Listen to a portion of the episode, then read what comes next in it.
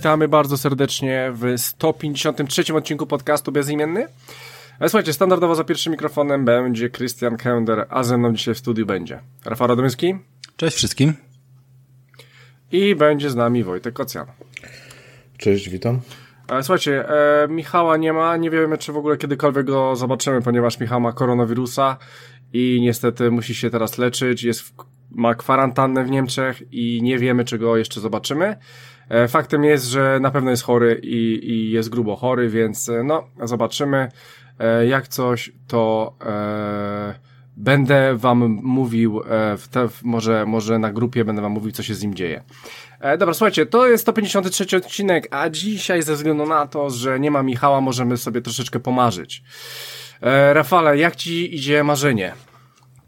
Całkiem spoko. Mowa oczywiście o Dreams na PS4, które w walentynki miało premierę i, i trochę sobie to pykam. Powiedzmy co, co drugi dzień i tak dalej. Opowiem wam trochę o tym. Myślę, że będziemy do tego regularnie wracali. Podejrzewam, że taki PC Master Race jak Wojtek to jest idealny skład, bo on kompletnie nie wie, co to jest. Dokładnie. Tak, Dokładnie. tak, tak, tak. E, ja w ogóle jestem ciekaw też, czy tą grę kupiłeś, żeby grać i tworzyć, czy żeby grać w to, co ludzie stworzyli? No, przejdziemy do tego, przejdziemy. Przejdziemy, do tego tak, przejdziemy, przejdziemy, ale, ale, ale, ale to jest ciekawe. Słuchajcie, e, poza tym, to w temacie głównym, poza tym Wojtek był w kinie na Harley Quinn e, po, e, na drugiej odsłonie, można powiedzieć. Pod... W zasadzie Birds of Prey, albo tam Ptakie Nocy i fantastyczna emancy... emancypacja pewnej Harley Quinn, tak to się to niby nazywa. Tak, więc słuchajcie, o tym się dzisiaj dowiemy, jak to wygląda. Poza tym ja też coś mam. E, ja na pewno chcę powiedzieć o cloudzie, e, xCloud. Przetestowałem tą usługę na telefonie, grałem sobie w gry na Xboxie, na telefonie, spadem od Xboxa w samochodzie, jak jechałem do pracy. I powiem wam, czy fajnie się w to grało, czy da rady już w to grać, czy wjeżdżamy w XXI wiek i now, nową generację konsol właśnie e, związaną też z streamingiem, więc o tym wam powiem. No jeżeli będzie jeszcze czas, to powiem wam o takiej planszówce, bo ostatnio ogarnąłem planszówki, a Wojtek też gra w planszówki, więc akurat Wojtek też posłucha. E, ogarnąłem sobie posiadłość szaleństwa. E, to jest e, planszówka e, w klimatach e, e, Call of Cthulhu, czyli mamy Lovecrafta i, i tego typu klimaty. Gra jest grubo powiązana z aplikacją. To taka magia i miecz na, na koksie, więc jeżeli będzie czas, to też o tym powiem, trochę w to pograłem. A poza tym będzie oczywiście miliard rzeczy, bo wyszło dzisiaj specyfikacja troszeczkę dokładniejsza Xbox Series X, co Wojtka nie interesuje. E, tak czy siak, słuchajcie, 150... A nieprawda. No, nieprawda. No, to, to, to myśliłem się, że, że, że może cię to zainteresować, ale specjalnie tak powiedziałem, żebyś się włączył i się włączyłeś i wygrałem. Dobra, dziękuję. Słuchajcie, 153 odcinek, e, 24 luty, godzina 17.11. Tak na dobrą sprawę, powiem wam szczerze, że Michał nie ma koronawirusa, ale jest grubo chory. I jedziemy z Hyde Parkiem. E, Rafale, co tam u ciebie? E, w odróżnieniu od ostatniego okresu troszeczkę odpaliłem sobie nowych gierek testowo. Testowo i nie testowo, bo niektóre pochłonęły nawet grubszą część weekendu, czy, czy parę popołudni. E, no i tak jakby tu polecieć od, od pewnej kolejności, nawet sobie będę, będę ściągał bezpośrednio z Xboxa i z listy. Mm, w ogóle przerwałem Tomb Raidera trójkę bo wyleciał przed końcem miesiąca z Game Passa i myślałem, że na koniec miesiąca będzie leciał i kompletnie jakoś mi go żal nie było. Jakby leciałem już tak po prostu po łebkach tą fabułę, przeli, przer, wiesz, przewijałem filmiki, więc to, to faktycznie nie była dobra część. W sensie była zwyczajnie to... poprawna i niewciągająca, nie? W porównaniu do poprzednich dwóch. Mhm, Okej, okay, dobra. Ja aż tak po prostu nie miała nic, niczego jakiegoś tam głębszego w sobie, nie? E, a jednak by wypadało jakiś tam ruch zrobić do przodu. Mm, z takich ciekawszych rzeczy, no mieliśmy mm, premierę Dreams, ale tutaj nie będę się e, na ten temat rozwodził, bo polecimy z tym jakoś tak e, szerzej i, i mm, trochę więcej czasu później na to poświęcę. W sumie chciałbym też chyba poświęcić trochę więcej czasu na Frostpunka, bo też mu poświęciłem dużo czasu, więc, więc na to zasługuję. E, zacząłem grać i się wciągnąłem w Children of Morta, które, mm, które zachęcałeś, do którego zachęcałeś i, i całkiem słusznie. Więc, więc to jest faktycznie świetny koop i, i mega klimatem ta gra po prostu porywa. Mhm. E, z takich ciekawszych moich odkryć to jest taka gierka również z Game Passa, ale kompletnie gdzieś tam pomijana. Nie słyszałem z żadnej strony o tej, o tej grze. Mm, to jest e, Creature in the Well, czyli jakiś tam potwór ze studni. E, I Odpaliłem tą grę kiedyś, kiedyś dawno temu. Myślałem, że to jest jakaś taka przygodówka w stylu Journey czy, czy coś takiego, bo odpala się ona na, wiesz, na pustyni i chodzisz sobie jakimś e, robocikiem, wieje wiatr z piaskiem wszędzie i kompletnie jakby nie wiadomo na początku o co chodzi, ale, ale po chwili okazuje się, że tak naprawdę mm, głównym celem w tej grze jest przechodzenie kolejnych e, niewielkich plansz i odkrywanie jakby tam mapy i, i, finalnie, żeby zrobić jakieś takie cztery ścieżki, uruchomić jakąś maszynę, mm, poprzez wykonywanie takich e, logiczno-zręcznościowych e, czynności, które w gruncie rzeczy sprowadzają się do tego, że masz kij, którym e, odbijasz piłki z energią, które gdzieś tam powiedzmy się aktywuje na danych planszach. No i na tej podstawie jest zrobione bardzo dużo różnych miksów e, czynności, Typu, że te piłeczki musisz odbijać pod odpowiednim kątem albo tworzyć jakieś, e, no powiedzmy, ładować energię na różnych elementach, od których się one odbijają, tak trochę w stylu pinbola, mm, bym powiedział. I sobie biegasz takim ludzikiem i kolejne rzeczy próbują ci przeszkadzać. Coraz te levele są, e, czy tam powiedzmy plansze są trudniejsze, a ty musisz je tam wyszukiwać, odbijać sobie tą piłeczkę. Jest to bardzo mm, proste, responsywne, jakby używasz tylko dwóch klawiszy poza poruszaniem się postacią. Jedną do jakby jakby przechwytywania tej piłeczki, żeby ją gdzieś tam, nie wiem, naładować, wycelować, a, a druga typowo do, do odbijania. Mm, I to jest mega wciągające. Gra bardzo jakaś tam e, spokojna muzyczka z tyłu. Naprawdę idzie się przy tym zrelaksować. E, bardzo fajny ma też styl graficzny. Kamerą tam nie ruszasz, aczkolwiek jest to e, na tyle 3D, że ta kamera cały czas tam zmienia swoje położenie, jak przechodzisz z planszy na planszę i mm, nie jest to otwarty świat, tylko powiedzmy z jakiegoś tam pomieszczenia przechodzisz jakąś ścieżką, podczas której kamera kręci się dookoła i, i sobie odpalasz kolejny level, nie? Znaczy odpalasz, no jakby przechodzisz na żywo do po prostu kolejnej salki, w której tam coś masz do zrobienia. I to jest naprawdę ciekawe, taki wypełniacz na kilka godzin, myślę, może, może na pięć, może na osiem, no mi się wydaje, że jestem gdzieś w połowie i, i powiedzmy, że ze trzy godziny w to grałem. E... Rafale, jeszcze raz jak nazywała się ta gra? Gra się nazywa Creature in the Well. Jest, jest sobie taka ikonka z takim robocikiem w pelerynie na tle żółtego mhm. okay. ekranu. No mam. To, Dobra, to jest mam. naprawdę fajne, lekkie i, i, polecam sobie to sprawdzić po, po, po gdzieś tam złapaniu początkowej mechaniki. Tam jest jakaś fabuła całkiem sprytna, tam zaszyta pod spodem ogólnie jakiś tam opuszczony świat, wiesz, ten robot też ma jakąś tam funkcję i mm, jest kilka rzeczy, które powiedzmy od strony graficznej i, i całego tego świata jakby y, robią wrażenie, dają jakieś tam y, poczucie i niebezpieczeństwa, ale i humoru, więc, więc jakby nie jest to tak pusto jakby rzucona gra logiczna, że dobra, odbijaj piłki i koniec arkanoid, nie? Tylko, tylko po prostu całkiem przyjemny daje klimat podczas gry. No więc to polecam do obadania sobie, takie, yy, taki tytulik. Mm, odpalałem jeszcze na dosyć długo i w sumie jeden weekend cały mi pękł na koopa w yy, takiej grze jak Full Metal Furies. Kojarzysz to? Graliście w to kiedyś? Bo to też nie jest tam nic świeżego, ale gdzieś tam z Game Passa? E, e, no nie, nie, nie, nie, ja kompletnie nie. Full Metal Furies to jest e, taki powiedzmy, że chodzony RPG, no może, no RPG powiedzmy pod tym kątem, że tam sobie ulepszasz postać i, i, i tak dalej, jakaś tam fabuła jest w tle, którą tutaj dla odmiany od Morty kompletnie e, się przeklikuje. E, ale sprowadza się też do tego, że tłuczesz się, odblokowujesz kolejne ataki, masz tam jakieś statystyki, poprawiasz je i cały czas tłuczesz się z wrogami, a można grać to do czterech osób na jednym ekranie. Mm, czyli również ekran podąża po prostu za dwoma postaciami, jak jedna padnie, to, to możesz ją podnieść drugą i tak dalej, i tak dalej, nie? No i e, kolejne levele, kolejni wrogowie. Bardzo jest e, przyjemna, przejrzysta grafika, jest pixel art w takiej o wiele prostszej e, formie względem Morty. Mm, ekran praktycznie cały czas tutaj jest, jest rzucony też e, trochę w stylu takich starych pegasusowych gierek, nie? Taki, taki bardziej rzut, e, jakby od boku wszystko się działo, chociaż też się tam postać porusza góra-dół.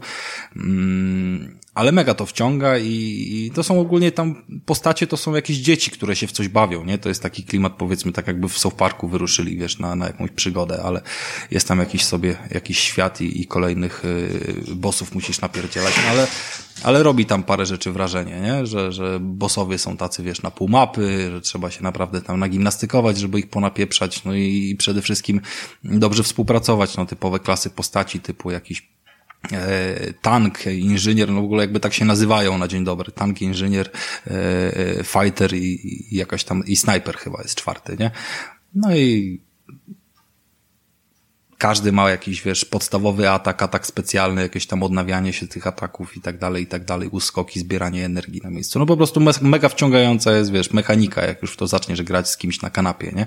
To są takie, wiesz, e, gry rzadko spotykane dzisiaj, więc warto je mm, e, gdzieś tam o nich wspomnieć i docenić, tym bardziej, że ostatnio sporo było właśnie takich wątków dotyczących ko koopa mm, kanapowego, co się dobrze sprawdza, więc... A, e stopień trudności wydaje mi się, Rafale, że będzie łatwiejszy chyba niż e, Morta. Wiesz co, trochę w ogóle jest inaczej, tak, bo yy, inaczej się gra w jedną i w drugą grę. Z Mortą w ogóle jest tak, że yy, grałem i w pojedynkę i, i, i we dwójkę i to, czego nie mogli, nie mogłem przejść w kopie, udało mi się potem przeskoczyć gdzieś tam trzy levely do przodu w pojedynkę.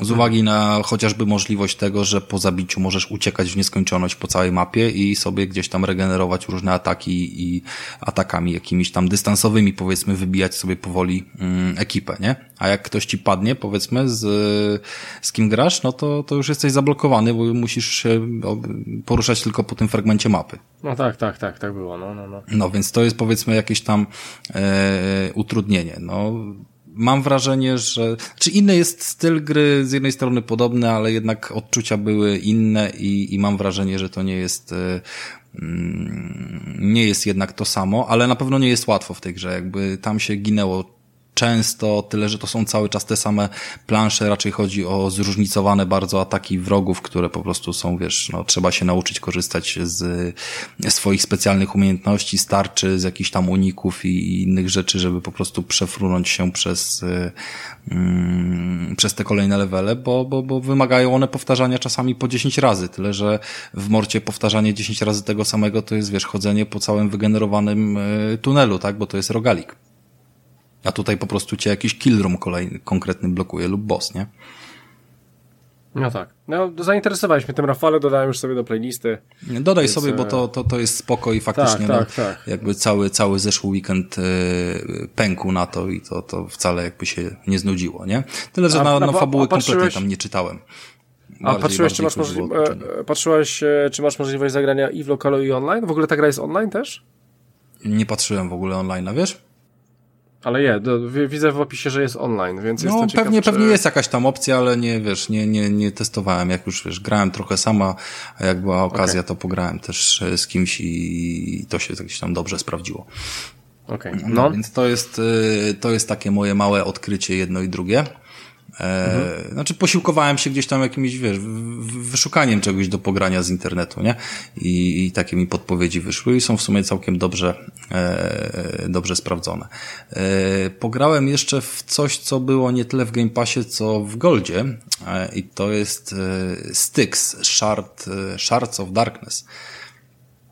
W ogóle marka jakaś dla mnie obca, a to jest tak naprawdę stuprocentowa skradanka, tak jakbyś, wiesz, y, miał jakiegoś, nie wiem, złodzieja, czy, czy, czy Metal Geara i po prostu musiał się, wiesz, w stu procentach skradać, bo, bo, bo jak cię wykryją, to tak naprawdę, wiesz, y, jeden, dwa ruchy mieczem i od razu padasz, nie?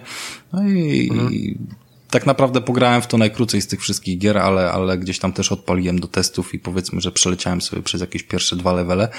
E, no typowe mechaniki z tym związane, czyli, czyli jakieś, wiesz, e, zatruwanie potraw, jakieś strzałki, levele są powiedzmy, że zrobione w taki, wiesz, wielopoziomowy sposób, jakieś miejsca do ukrycia, jakieś wchodzenie po obręczach, po, po, po suficie, wiesz, zrzucanie na kogoś tam powiedzmy mm, żerandola, który tam jest zawieszony i kombinujesz, żeby się po prostu tam odkryć. Typowy tryb wzroku, żeby zobaczyć, kto wiesz, gdzie co jest do znalezienia, co jest pod podświetlone, wszystkie postacie i tak dalej, taki wiesz.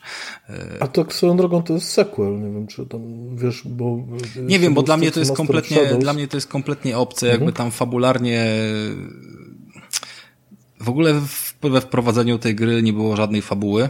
Poza tym, że był mhm. filmik wygenerowany tak jakby e, całym jednym zleceniem tylko wiesz, w postaci filmiku, nie? Czyli jak się skrada i co robi teoretycznie wykorzystując jakieś tam, bo to goblin jest, nie? Grasz goblinem, który mm, okrada ludzi i robi tego typu e, zdarzenia. No i tam cały czas ci się wbijają jakieś odznaki, czy zabijasz kogoś, to ci spada poziom e, odznaki, no bo wiesz, powinieneś zrobić to bezszelestnie, a jak ci się uda nikogo nie zalarmować, to super, no. Ogólnie jest spoko, nie? Pod kątem tych, tych e, mechanik, jakoś strasznie irytującej tam powiedzmy mm, fuck-upów przy poruszaniu nie ma się. E, bardziej bym narzekał na, na pewne elementy, których tam gra nie tłumaczy e, od razu, ale, ale całkiem jest przyjemnie. I fajny jest całkiem poziom humoru, bo ten Goblin non-stop z nas szydzi, jakby tutaj się ginie dosyć często, można zapisy robić jakby wiesz, przy każdej akcji i to nawet jest skrót klawiszowy do tego e, quick save'a, tak jakbyś wiesz na PC grał, co jest rzadko spotykane. Mm, natomiast przy każdej kolejnej śmierci, no bo tak jak mówię, od razu jak cię wykryją, to, to cię praktycznie zabijają E, i tak naprawdę na wyższych poziomach trudności w ogóle nie masz czegoś takiego jak e, funkcji parowania ciosów, czyli jakby automatycznie masz e, zgon po wykryciu i za każdym razem on rzuca do ciebie jakimś tekstem, wiesz, wie, że jesteś graczem i mówi, ty może się zamienimy, a ciebie tu będą, wiesz, zabijali albo jakieś tam inne, wiesz, że, że tutaj nie ma trofeum za granie stopami, nie? Więc y, trochę, trochę nastraja to pozytywnie przy tych wszystkich śmierciach, ale pewnie tych tekstów jest ograniczona ilość i jeżeli nie ma ich trzech setek, no to, to w tej grze y, wcześniej czy później się zaczną one nudzić. Mm, w każdym razie, no całkiem to było w sumie ciekawe. Myślę, że to pogram jeszcze. No, to, to tyle chyba, jeżeli chodzi o gierki, no bo, bo, bo Dreamsa i Frostpunka bym sobie zostawił na później. E, Red Deada powolutku tam tłukę, zainstalowałem sobie Firewalla, który był w plusie i zobaczymy, jak mi pójdzie granie w niego bez, bez tego pistoletu magicznego aim controllera. No i cóż, wszystko. Mhm. Okej. Okay. E, dobra. E, Wojtek, co tam u Ciebie w takim razie? E, już tam pomijając to, że o czym wspomniałeś, że no zdrowie. Dzięki. Że mm, byłem na tym Birds of Prey albo tam Ptaki Nocy, mm, to jeszcze wcześniej byłem na Jojo Rabbit. E, o, I to o, też, jest, o, no, no. też jest świetny film. Też, też chętnie o nim opowiem, ale to, to, to może za chwilę, e, jeżeli chodzi o te filmy. Natomiast tak z gierkowych tematów to, to tak naprawdę ostatnio mam po raz kolejny powrót do, do, do, do, do, jak, w jakiś już tam sposób klasyki, bo e, męczę Pillars of Eternity. E, to jest gra, od której się już dwa razy odbiłem, tak naprawdę, bo to jest gra, która wymaga dużo czasu. To jest taki RPG staroświecki, staroszkolny, troszkę jak te stare Baldury, jak te Icewind Dale. No może niekoniecznie jak Icewind Dale pod kątem fabuły, ale, ale, ale jeżeli chodzi o tą całą mechanikę, o ten, ale, ten sposób w, prezentacji. Myślisz, Wojtku, że faktycznie Baldur potrzebował tak dużo czasu? Ale co potrzebował? Baldur? Baldur's Gate jako gra? No to nie była, to nie była krótka gra mm, z tego co pamiętam. Tam chyba jedynka była krótsza niż dwójka, ale dobrze pamiętam, wiesz, tak, że grałem to, tak, tak, tak, to, dwie dekady temu, nie? Mhm. Zresztą nie pamiętam tak dokładnie. Natomiast nawet jeżeli wymagał dużo czasu, to ja wtedy tego tak nie odczuwałem. No wiecie, trochę, trochę z wiekiem ma się inne priorytety i trochę mniej czasu jest na nagranie, a może też i trochę mniej cierpliwości, żeby tak siedzieć przy jednym tytule ileś tam godzin, ileś tam wieczorów to, to, to pewnie to też, to też nie jest bez znaczenia. Natomiast Pillars of Eternity to jest całkiem przyjemna, całkiem przyjemna gra.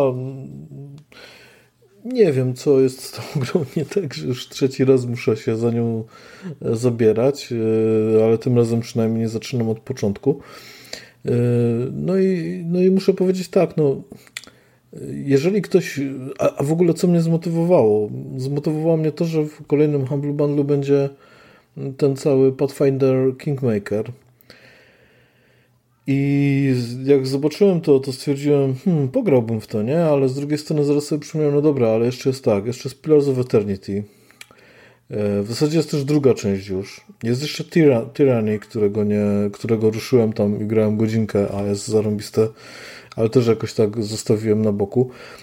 Ja kurczę już nie mam cierpliwości do tych starych gier, do tych takich długich, mozolnych RPGów, które wymagają jednak czasu.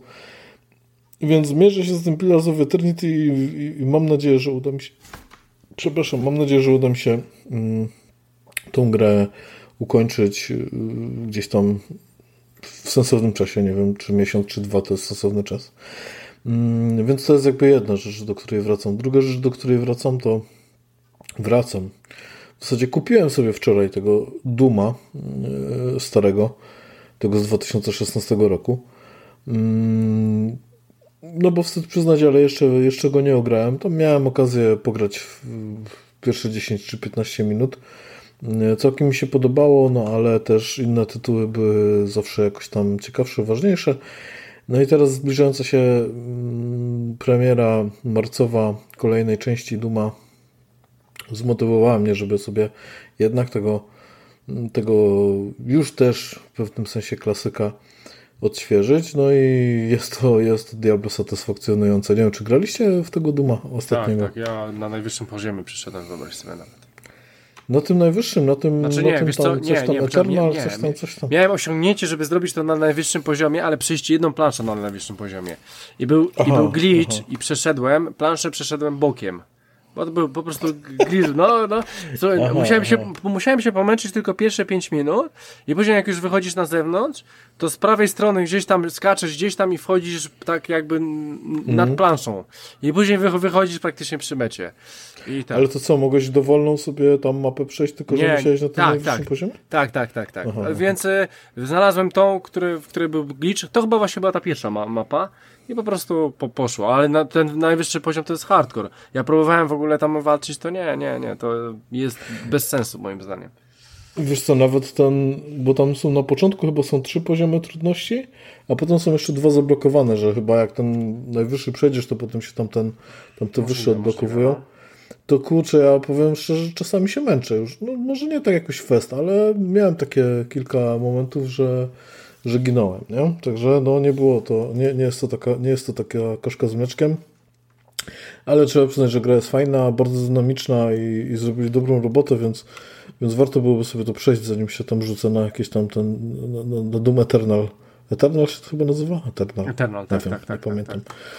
No, to więc to jest kolejna jakaś taka rzecz, y, do której sobie wracam. Kolejna rzecz, do której wracam, nie wiem, ostatnio mam jakieś takie powroty do klasyki. To jest Bat Batman Arkham Asylum. Mm, dlaczego? Bo dostałem komiks i ten komiks dostałem już na urodziny. Y, w... Na urodziny? Kurczę, chyba to było na urodziny albo ja na urodziny, albo pod choinkę, już nie pamiętam teraz. Nie, na urodziny. E, no tak, to było urodziny, więc, więc dawno w każdym razie. No właśnie, no, no i... W razie dawno. E, to e, ten Batman właśnie Azyl Arkham i strasznie mi się klimat podoba. Tam jest jeden problem z tym komiksem, który powoduje, że ja go strasznie męczę, bo wszystkie kwestie Jokera są pisane taką bardzo nie, nie, niewyraźną, taką nieprzyjemną do czytania czcionką i kurczę, no jak kreska jest po prostu fenomenalna, klimat, opowieść, super. To jak są kwestie Jokera, to mnie po prostu krew zalewa. Yy, męczy, męczy to czytanie, więc no, to jest akurat zadupione w tym komiksie, no ale poza tym to jest jakaś tam klasyka jednak yy, też yy, komiksów, więc, więc czytając pomyślałem, że fajnie byłoby, fajnie byłoby sobie wrócić do, do tego właśnie Batmana. No i sobie tak rozpocząłem znowu tą grę, znowu wróciłem do, do Azylum, e, znowu jest, jest całkiem fajnie. Y, kolejna rzecz znowu, y, taki też powrót, chociaż już nie do, nie do tych pierwszych części, ale do ostatniej, chyba szóstej, czyli Soul Calibur. Był w Humble Bandu, zdaje się, w zeszłym miesiącu, albo dwa miesiące temu. Jeszcze, chyba to jeszcze było zanim ten Humble Bundle Choice wszedł. No, może się mylę. Mniejsza z tym. W każdym razie, kurczę, powiem wam, ja nie wiem, czy ta gra się tak zmieniła, czy, czy, czy ta szósta odsłona jest taka taka szalona, ale to już jest dla mnie za szybkie. To znaczy, to jest, tam jest tak, taki pierdzielnik. A grałeś w tam jest taki chaos. Wojtek? Grałem, grałem, to, to ale wiesz co, ja pamiętam te, ale ja pamiętam te stare, wiesz, że pierwszą, drugą część to grałem, nie? I też na automatach. Wiesz, tam potem kolejne to już tam nie miałem za bardzo okazji. Więc ja tego tak nie pamiętałem, żeby, żeby, żeby ta, ta seria była taka szybka, ale to jest, to jest diablo szybkie. No i w porównaniu z takim Mortalem, to jednak, jednak wolę tego Mortala chyba. Jest jakiś taki przyjemniejszy. No i to chyba z takich giereczkowych tematów tyle. Tam muszę wrócić znowu do Mortala, bo tam dwie postacie, dwo, tam sezony kolejne lecą, a ja, no ja nie, nie, nie leveluję, nie skilluję. Mhm. Więc tam chyba ta Shiva już tam jest. To też bym chętnie obczaił. Vermintide często wracamy ostatnio z chłopakami z redakcji Nerdomancera, bo bo tam dodatek bezpłatny wylądował, no i też w ogóle dużo zmian tam teraz powprowadzali. Całkiem fajnie się to rozwija, jak na grę, która już było, nie było mała troszkę czasu, tam chyba dwa lata. Dwa lata ma, więc, więc nie brakuje mi tytułów do grania, ale nie grałem nic nowego, w żadnych takie super świeżynki, to chyba, to chyba czekam na razie albo na tego Duma, e, albo, albo na jakiś nie wiem, nie wiem nawet na co czekam, powiem wam, bo te tytuły, które, które, za które trzymam kciuki, to tam raczej to jest chyba późniejsze, późniejsze miesiące tego roku, czyli tam Dying Light 2, powiedzmy, no wiadomo, Cyberpunka to cały świat czeka na niego, także jakoś tak ten początek roku, chociaż pewnie dla, dla niejednego gracza był łaskawy, to ja tam na razie to z dystansem wszystko obserwuję i sobie gram w takie starsze raczej produkcje. Mm -hmm. No to dobrze. A o tych e, filmach, Wojtku, chcesz powiedzieć teraz? Mogę teraz. No to Kiedy tam? wjeżdżaj z Jojo Rabbitem, bo wydaje mi się, że... Dobra, może to ten Jojo Rabbit. Powiem wam szczerze, że to w ogóle był film, na który ja w ogóle nie planowałem e, wyjść. Wyciągnęła mnie Ania. E, I, i powiem wam, że, że, że super, bo, bo tak się dobrze bawiłem na tym filmie. To jest naprawdę świetny obraz. E, ten cały Taika Waititi, czyli reżyser i odtwórca roli Adolfa Hitlera w tym, w tym w tym filmie, no, no to jest człowiek, który to jest taki może to będzie dla niego trochę nieuprzejme albo nie, nie, nie, nie, nieadekwatne, ale to jest taki Quentin Tarantino wersja 2.0 jak dla mnie. Czyli, czy, Bo... czyli jak Vega trochę, nie? tak, totalnie. Okay, no. Y, więc, więc w ogóle o czym jest ta historia? To jest, to jest ciekawe, bo to, bo to jest taka parodia, to jest, to jest jakby taka próba. I gdyby się tak zagłębić i zastanowić, po co ten film powstał, to można by mieć dużo tutaj takich pytań bez odpowiedzi, bo, bo tak naprawdę ten film nie, nie pokazuje niczego sensownego, paradoksalnie. No bo oto mamy historię chłopca, który który jest y, zapatrzony gdzieś tam w ten, w ten y, nazistowski reżim z takiej perspektywy właśnie tam kilkulatka, bo on chyba ma 8 lat, czy 10 bo ma, przepraszam, 10 lat. Więc patrzy na to zupełnie naiwnie i, bezkrytycznie. E, a jednocześnie dotykają go takie wszystkie standardowe dla tego wieku problemy, tak? Gdzieś tam chłopaki w szkole go tam trochę męczą, nie wiem, mama tam, powiedzmy, tata na froncie, mama tam ma swoje problemy y, i, i, i, swój świat, i on też ma ten swój świat, i on y, jest jakby takim małym nazistą, nie? I teraz próbuje się w tym wszystkim odnaleźć. I z tej perspektywy ten film tak naprawdę nie robi jakiejś rewelacyjnej roboty, takiej, nie wiem, ani edukacyjnej, ani nie wiem, tam. Nie, nie, nie, nie, nie, nie próbuje nam pokazać jakiegoś alternatywnego świata. Y, ale też nie jest to taka totalna beka. To nie jest komedia. To nie jest. Znaczy, to, to jest komedia w pewnym sensie, ale to nie jest taki film, który ma tylko to na celu, więc tych, tych warstw, na których można oglądać y, Jojo Rabbit jest bardzo wiele i każdy tam może sobie pójść i zobaczyć te, trochę inny film. I to jest, i to jest, właśnie, to jest właśnie zaleta tego. E, tam są zarzuty też, że powiedzmy tam, no, mój zarzut w sumie to jest taki, że, że reżyser nie pokusił się o taką brutalną konfrontację tego filmu, tego obrazu wykreowanego w tym filmie, bo wiecie, bo to jest taki film zupełnie, zupełnie taki lekki. E, tam Adolf Hitler to jest w ogóle wyimaginowany przyjaciel do głównego bohatera, e, który jest naprawdę, no, sceny z, z jako Adolfem Hitlerem można oglądać i się, i się śmiać do rozpuku. Naprawdę praktycznie każda scena, w której on występuje, to jest, to jest, to jest jakaś tam beka. Natomiast szkoda, że autor, nie, że reżyser nie pokusił się o taką potem brutalną konfrontację. Nie wiem, czy pamiętacie taki film, kurczę, że mnie pomylił nazwę, ale chyba Życie jest piękne. Nie kojarzycie? To był taki film, który opowiadał historię. Nie, Życie jest piękne, to wiem, co to jest. Tak, to jest też e, taki film, który opowiada o kilkuletnim chłopcu w obozie koncentracyjnym. Tak. I tam jego ojciec zostaje na głowie, żeby żeby tak. jakby um, udaje, że to jest jakaś taka gra e, i wprowadza tego chłopaka w świat takiej gry i w końcu... tak, ja już, no. I tam po prostu, tam, tam jest taka jedna scena. Ja teraz jak to opowiadam, to, to czuję aż e, jak mi ciarki przechodzą, bo przypominam sobie jedną scenę, jak bardzo ona daje, daje po prostu wpysk widzowi. Mówi, okej, okay, dla tego dzieciaka to jest, to jest gra, nie? Ale, ale tak naprawdę to, to jest jedna z największych tragedii w historii ludzkości, największy, jeden z największych dramatów. E, I tego w tym filmie nie ma, nie? Tutaj w tym, w, w, w tym filmie, w tym, w tym obrazie e, Taiki, Taiki Waititego. Tak, w tym, w tym Jojo Rabbit. Więc to rzeczywiście można by powiedzieć, że tutaj szkoda. Szkoda, bo, bo, bo w tym momencie ten film jest, ma taką bardzo lekką, e, lekką formę, on jest taki przyjemny od początku do końca, w zasadzie tam wszystko jest spoko. Jest jedna taka smutna scena, taka bardzo smutna, e, no ale też to nie jest scena taka, taka która, by, która by cię tak jakoś strasznie mroziła, która by pokazała to okrucieństwo. Ona pokazuje bezwzględność tego, co tam się dzieje na poziomie tym poza, poza, te, te, spoza tej chłopięcej wyobraźni, spoza tego chłopięcego postrzegania świata. Pokazuje tą bezwzględność, ale nie pokazuje okrucieństwa. Yy, tego bestialstwa nie ma, więc to jest taka rzecz, której, której tam trochę brakuje. No ale poza tym to, to na pewno jest takie kino, które warto zobaczyć.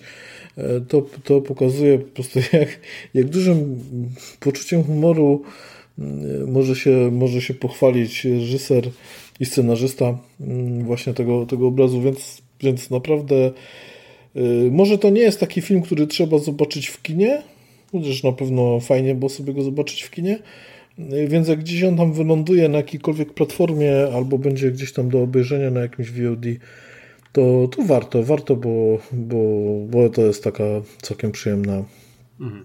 przyjemna przygoda. Y, no, także wyszedłem z kina bardzo, bardzo zadowolony y, i, i niektóre sceny, jak tam gdzieś sobie zobaczycie, czy w jakichś trailerach, bardzo to już wam pokażę mniej więcej, co, co, z czym mamy do czynienia. Mhm. No, więc tyle, jeżeli chodzi o ten film. Jojo Rabbit. Nie będę się tu wdawał w jakieś tam jeszcze szczegółowe rozważania. Jest też recenzja filmu na nerdomancer.pl, także zapraszam tam. Tam może, może jeszcze przeczytacie coś, o czym tutaj zapomniałem wspomnieć. Natomiast y, jestem akurat na świeżo po, po tym Ptaki Nocy y, i fantastyczna emancypacja pewnej Harley Quinn. Ech, co tytuł. Y, i powiem wam, no rozczarowałem się. Rozczarowałem się strasznie, dlatego że to jest kolejny film, który można położyć na półce obok Legionu Samobójców, obok e, Ligi Sprawiedliwości, obok jakiegoś tam Batman vs. Superman. To po prostu jest, nawet Batman vs. Superman jest gorszy akurat, no to bym może, może bym przesadził. Jak dla mnie e, to, to, to, to, to Birds of Prey nie jest aż, aż takie kiepskie. No ale też nie ma się czym specjalnie tutaj e, pochwalić. Zastanawiam się od czego zacząć tak naprawdę, bo, bo, bo, bo wątków tam jest kurczę tyle, które można poruszyć. No może zacznijmy od tego, dla kogo jest ten film. No to nie jest film taki, wiecie, fajny film gdzie tam powiedzmy jest faktycznie pokazana jakaś ciekawa emancypacja, powiedzmy tej, tej całej, chociaż słowo emancypacja to jest, nie jest zupełnie przypadkowe, to jest to na pewno. Ten film jest po prostu w swoistym manifestem takim feministycznym. I to jeszcze w takim najgorszym stylu tak naprawdę, bo wiecie, to jest to, jest to co, co często widać, że jak się robi coś na siłę i próbuje się te kobitki tam z takiej czy innej, z takiego czy innego filmu, uniwersum, próbuje się na siłę wtłoczyć w nie jakieś tam ideały, to to po prostu nie wychodzi. I chociaż nie brak przecież fantastycznych y, żeńskich bohaterek, takich, wiecie, z krwi kości, takich po prostu kobiet, które są już arche, archetypicznie wręcz bohaterkami, które dają radę, no nie wiem, tam, kurczę, no, z, z Ripley, z, z Obcego, to taki chyba starszy przykład, a jakiś nowszy, no nie wiem, Tomb Raider, czyli Lara Croft, no, takich charakterów nie brakuje, takich, takich postaci. A jeżeli się bierze i tworzy się film i, i koncepcja jest mniej więcej taka, bo to widać przecież gołym okiem, czyli bierzemy same babeczki i one będą tłukły chłopów. I to jest cały przekaz tego filmu. Tam nie ma żadnej sensownej głębi. Mm, mało tego, mm, są takie rzeczy, które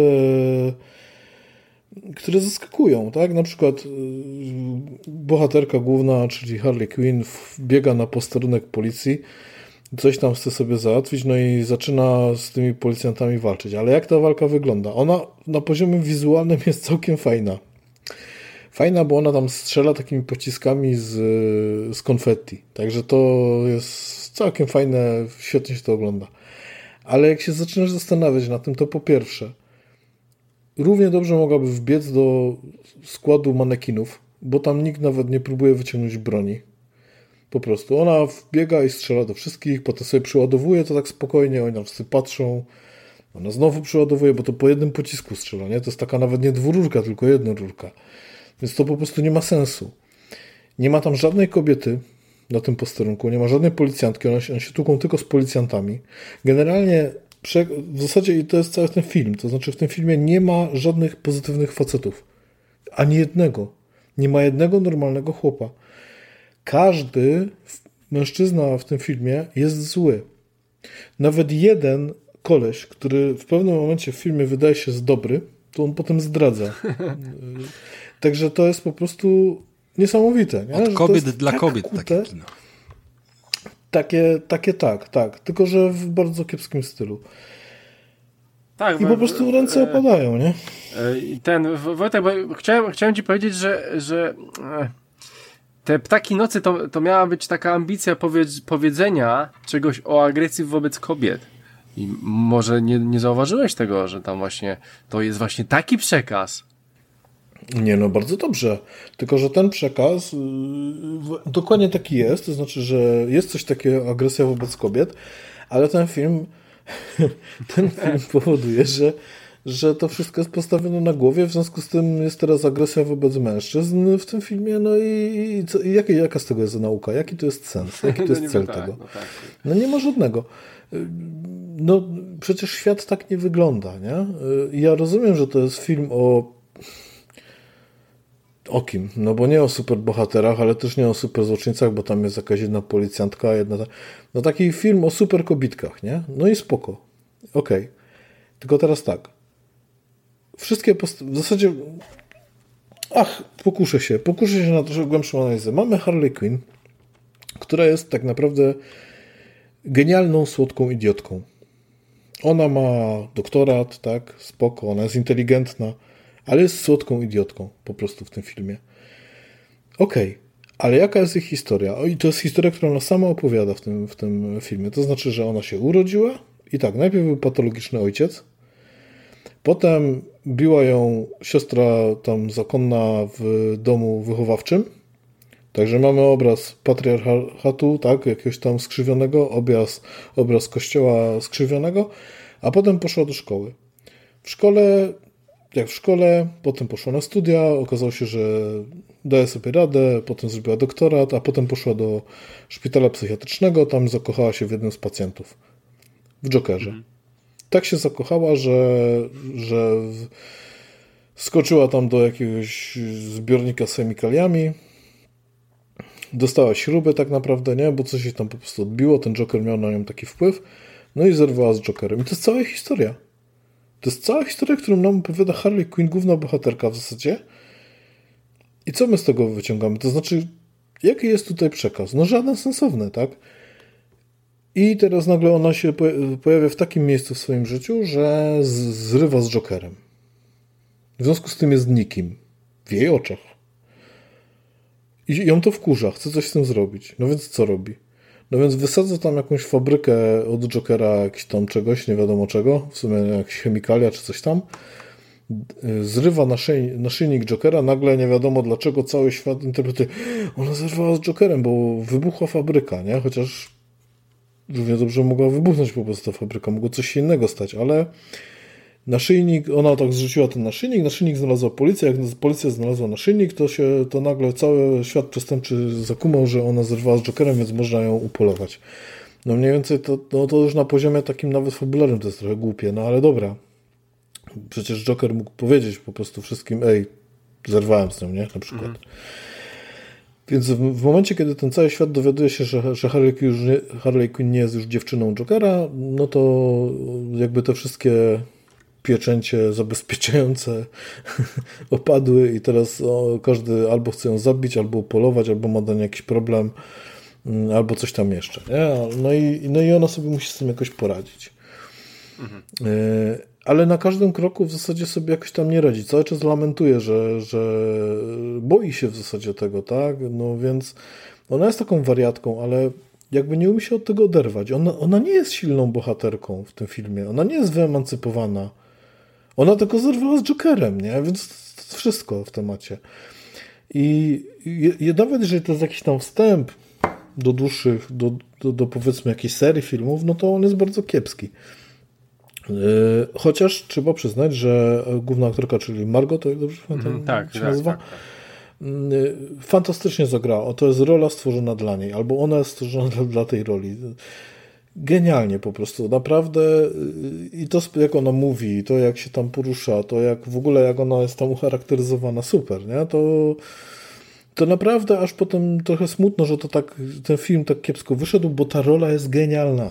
I ta, I ta postać jest też fenomenalna, ekscentryczna, ekscentryczna ciekawa, barwna, y, z historią, która niestety w tym filmie nie została powiedziana w żaden ciekawy sposób, ale jednak z historią gdzieś tam na poziomie takim komiksowym.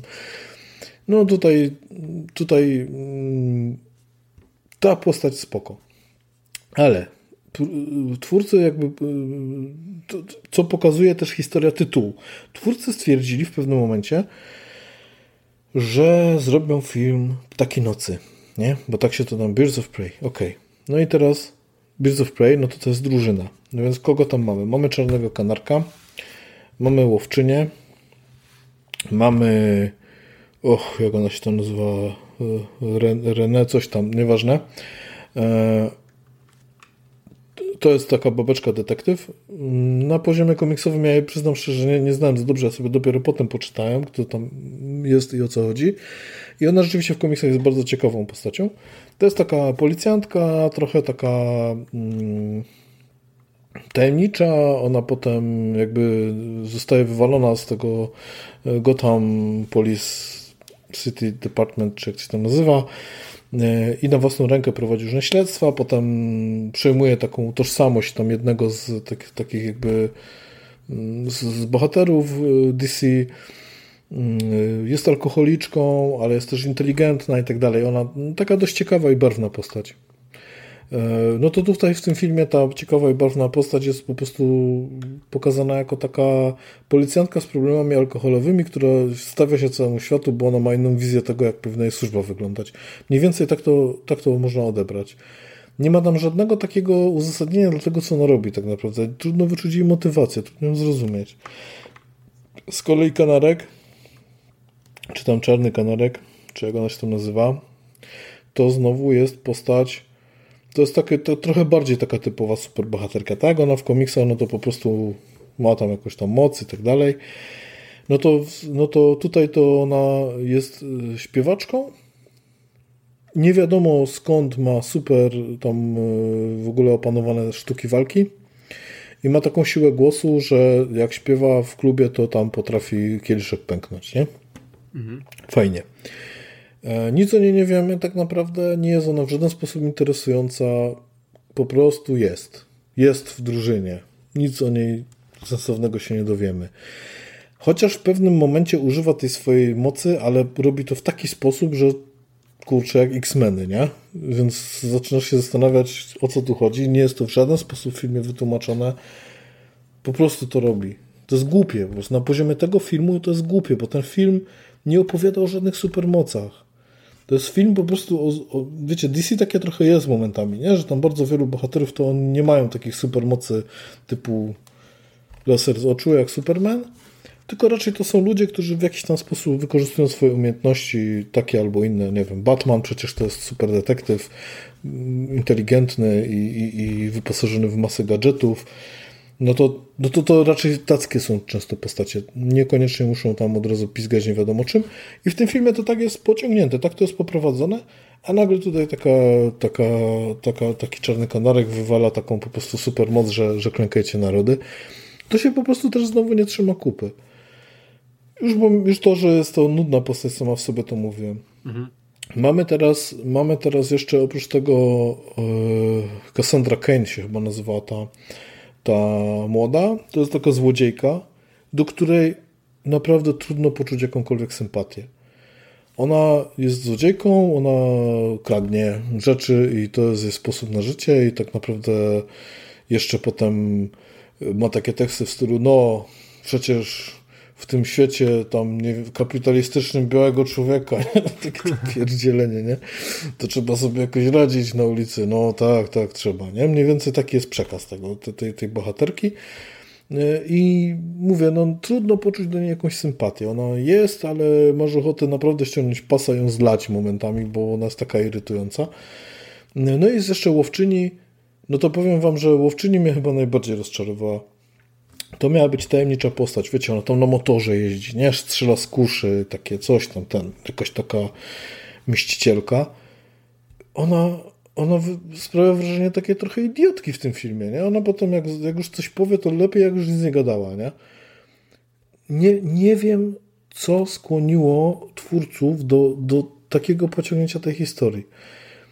Bez sensu. I teraz główni, główni e, antagoniści to jest Czarna Maska i Zasz, czy Zas. Zasz chyba się to tam czyta, zawsze, zawsze mam z tym problem. Ten Zasz, ja tylko powiem, ten Zasz był świetny w Gotham, w serialu.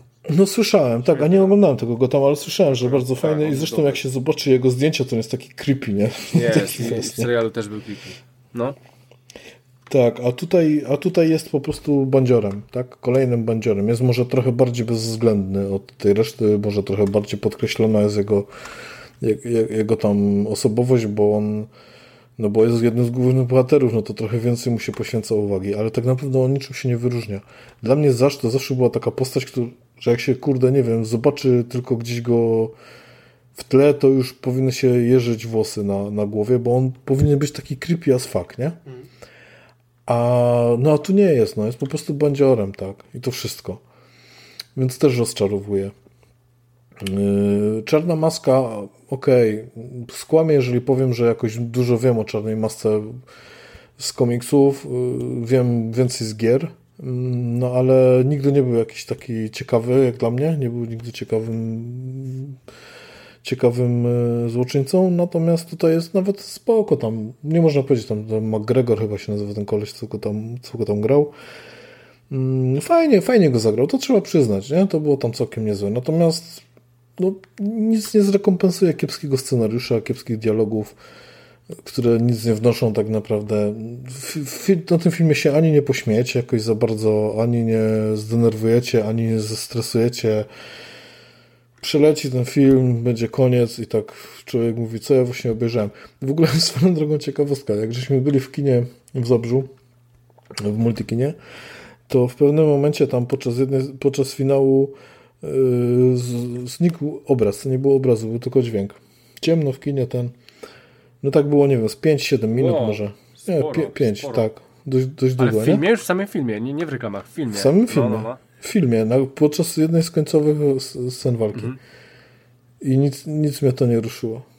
Jasno sobie pomyślałem, no głupio, nie? Ale, ale to było takie, Jezu, no przecież wiem, co się dzieje, tak się po prostu tłuką, nic więcej. Nic, nie, w żaden sposób nie zepsuło mi to film, nie? Także trochę, trochę, trochę, to też trochę świadczy o tym. Więc film, mówię, gdyby oni się skoncentrowali na głównej bohaterce, gdyby rzeczywiście, Hiena, o, to też jest ciekawy przykład, na który ja akurat nie zwróciłem uwagi, ale gdzieś tam w internetach przeczytałem, bo Harley Quinn ma swoją hienę. E, to jest taki do, domowy zwierzaczek. Piesek, no. Taki piesek. I kurczę, no hiena w filmie, no, no się prosi, żeby coś fajnego z nią zrobić, nie? Nie wiem, cokolwiek, żeby ona kogoś kurde, zaatakowała, cokolwiek z tą hieną. Nie, nic. Po prostu była w, w jakimś tam schronisku, zobaczyła hienę, wzięła z tą hienę, Yy, jedne co to tam chyba ten, mm, ten, ta hiena pogryzła tam tego chłopa z tego schroniska, bo on oczywiście, jak to każdy chłop w tym filmie, zły, gwałciciel i w ogóle i, i tak dalej, mitu. Więc on tam jej zaproponował, że on odda to, jej tą hienę, jeżeli ona się po prostu, znaczy, że w naturze, tak, się tam, mm, że mu odda za, za usługę. No, więc ta hiena coś go tam pogryzła i to jeszcze było tak pokazane, że w zasadzie nie wiadomo, czy go pogryzła. To było pokazane na takiej zasadzie, że e, on mówi, no to może tam nie, nie musisz zapłacić, załatwimy to jakoś inaczej. Scena się tam zmienia, no i ta hiena coś tam ogryza i chyba to było jakoś tak, że, że po prostu gryzła go w nogę albo obgryzła mu tą nogę, ale nie widzimy tego w filmie. Tylko widzimy potem scenę, a potem już tą hieną to są tylko switaśne jakieś tam momenty typu ona wchodzi do domu no, no i, i nawiązanie do Batmana, bo nazwała tą hienę Bruce. I to jest wszystko. Przecież to się aż prosiło, nie wiem, w jakiejś scenie walki, albo zrobić takiego, wiecie, takiego sidekicka, takiego Olafa na przykład z Frozen, albo wiadomo, przesadzam, nie? Ale chodzi o to, że tą hienę można było jakąś wykorzystać. Nie, tutaj nie, nie pokusili się na to. Dlaczego? No bo nie było czasu, bo ten film opowiada, próbuje opowiedzieć kilka historii naraz i żadnej z tych historii nie opowiada dobrze. No, no i niestety, no szkoda, szkoda. Po raz kolejny DC pokazało, że nie ma, nie ma dobrego patentu na robienie filmów, y, a już na pewno nie na robienie filmów o, o grupie bohaterów. Do tego trzeba po prostu czasu. To jest tak jak z, jak sobie spojrzycie, jak, jak, jak wygląda to w przypadku Marvela. Mhm. Najpierw porobili trochę filmów, tak? potem jakieś Avengersy, jedne, nic na siłę, potem tutaj jakiś tam, tam jakiś Kapitan Ameryka, tam jakiś, chyba Kapitan Ameryka był pierwszy. Porobili trochę tych filmów i dopiero zaczynali to składać do kupy. Tutaj jakiś wątek się przeplatał, tam się przeplatał. Nagle mamy, kurczę, kilkanaście, chyba ponad dwadzieścia parę filmów, y, które wszystkie ze sobą jakoś tam współgrają. Warto tak naprawdę zobaczyć praktycznie każdy. Każdy ma swoje dobre jakieś tam momenty, nawet jeżeli jakiś jest troszkę gorszy, to tylko trochę gorszy, a nie, że tam po prostu 2,5 na 10. I, I to się jakoś spina. A w DC mam wrażenie, że oni tak patrzą na, na to i mówią, kurczę, my też tak zrobimy. Tylko, że oni od razu chcą te Avengersy 3 zrobić, albo 5, nie? Od razu tam chcą przejść, po prostu przeskoczyć te pierwsze etapy budowania jakiejś marki, kreowania tego scalania. Od razu chcą skoczyć wyżej. Tak się nie da po prostu, bo to jest nienaturalne. Więc gdyby zrobili film o Harley Quinn i rzeczywiście o Harley Quinn, a potem zrobili film na przykład o tej łowczyni, a potem zrobili film na przykład ciekawy o tam, niech będzie o tej detektyw albo tam o, o kimkolwiek z nich, te postacie y, musieliby dać po prostu widzom czas, żeby się polubić z tymi postaciami, żeby, żeby one nie były tam tylko jakimiś po prostu papierowymi, pustymi wydmuszkami, które tam muszą być, no bo przecież to są Birds of Prey, no to, to jest drużyna kobiet, no więc każda tam musi być, nie? No. Mhm. no, a tak niestety to nie wyszło, więc w mojej ocenie film nie będę się kusił na jakieś tam, na, na jakieś tam cyfrowe ocenianie typu 4 na 10 czy tam 5 na 10, ale, ale powiem tak, ten film warto zobaczyć dla postaci Harley Quinn, która jest fajnie tam, fajnie zagrana, niekoniecznie fajnie napisana, ale fajnie zagrana. E, no i tyle. I to, jest, to, to, to, może dla dwóch albo trzech scen walki, które są fajne, ale chociaż w tle bezsensowne, ale, ale przy, przy, przynajmniej fajne. Z tego co wiem, tam w ogóle jak już nakręcili ten film, to ktoś po powiedział, że jednak trzeba nagrać te niektóre sceny walki jeszcze raz i tam potem zatrudnili jakieś tam, takie mądre głowy od tego i to rzeczywiście wyszło nie najgorzej, bo podobno w pierwszej wersji były one bardzo słabe, więc musieli, musieli dokręcać. Mhm. To jest pierwsza rzecz. Druga rzecz też spore zamieszanie z, tymi, z tym tytułem, bo, bo na początku miało się to nazywać Ptaki Nocy, ale Ptaki Nocy same w sobie, no to wiadomo, to nie ma tutaj nic feminizmu, więc musieli wrzucić podtytuł, czyli Fantastyczna emancypacja Harley Quinn, ale potem się okazało, że to się w ogóle nie sprzedaje, bo ten film miał fatalne, fatalne wyniki mm, tam sprzedażowe e, w kinach, więc zmienili to. W Stanach Zjednoczonych ten film nie jest, e, ma inny tytuł. On w Stanach Zjednoczonych ma tytuł, zdaje się, Harley Quinn tak, tak. Dwukropek, tak. coś tam, coś tam, taki noc. Także no, wszystko, co mogło pójść nie tak, poszło, poszło nie tak w tym filmie. E, Wojtku, nie wiem, czy jeszcze coś widziałeś, oglądałeś, czy chcesz zobaczyć, ale już, ale już o tym nie powiesz. Dobrze. E, dobra, słuchajcie, po 50 paru minutach e, mogę w końcu przejść ja do swojego Hyde Parku. Fajnie, okej, okay, dzięki. Nie, no w porządku. E, oceniłeś dwa filmy. E, więc e, słuchajcie, co u mnie było ciekawego, może, dobra, może ja zacznę od gier. Chciałem od filmów, zacznę od gier. A, e, dalej chodzę sobie po górach, w śniegu. E, Death Stranding e, dalej jest ogrywane. Powiem wam, że fa fajnie się to robi.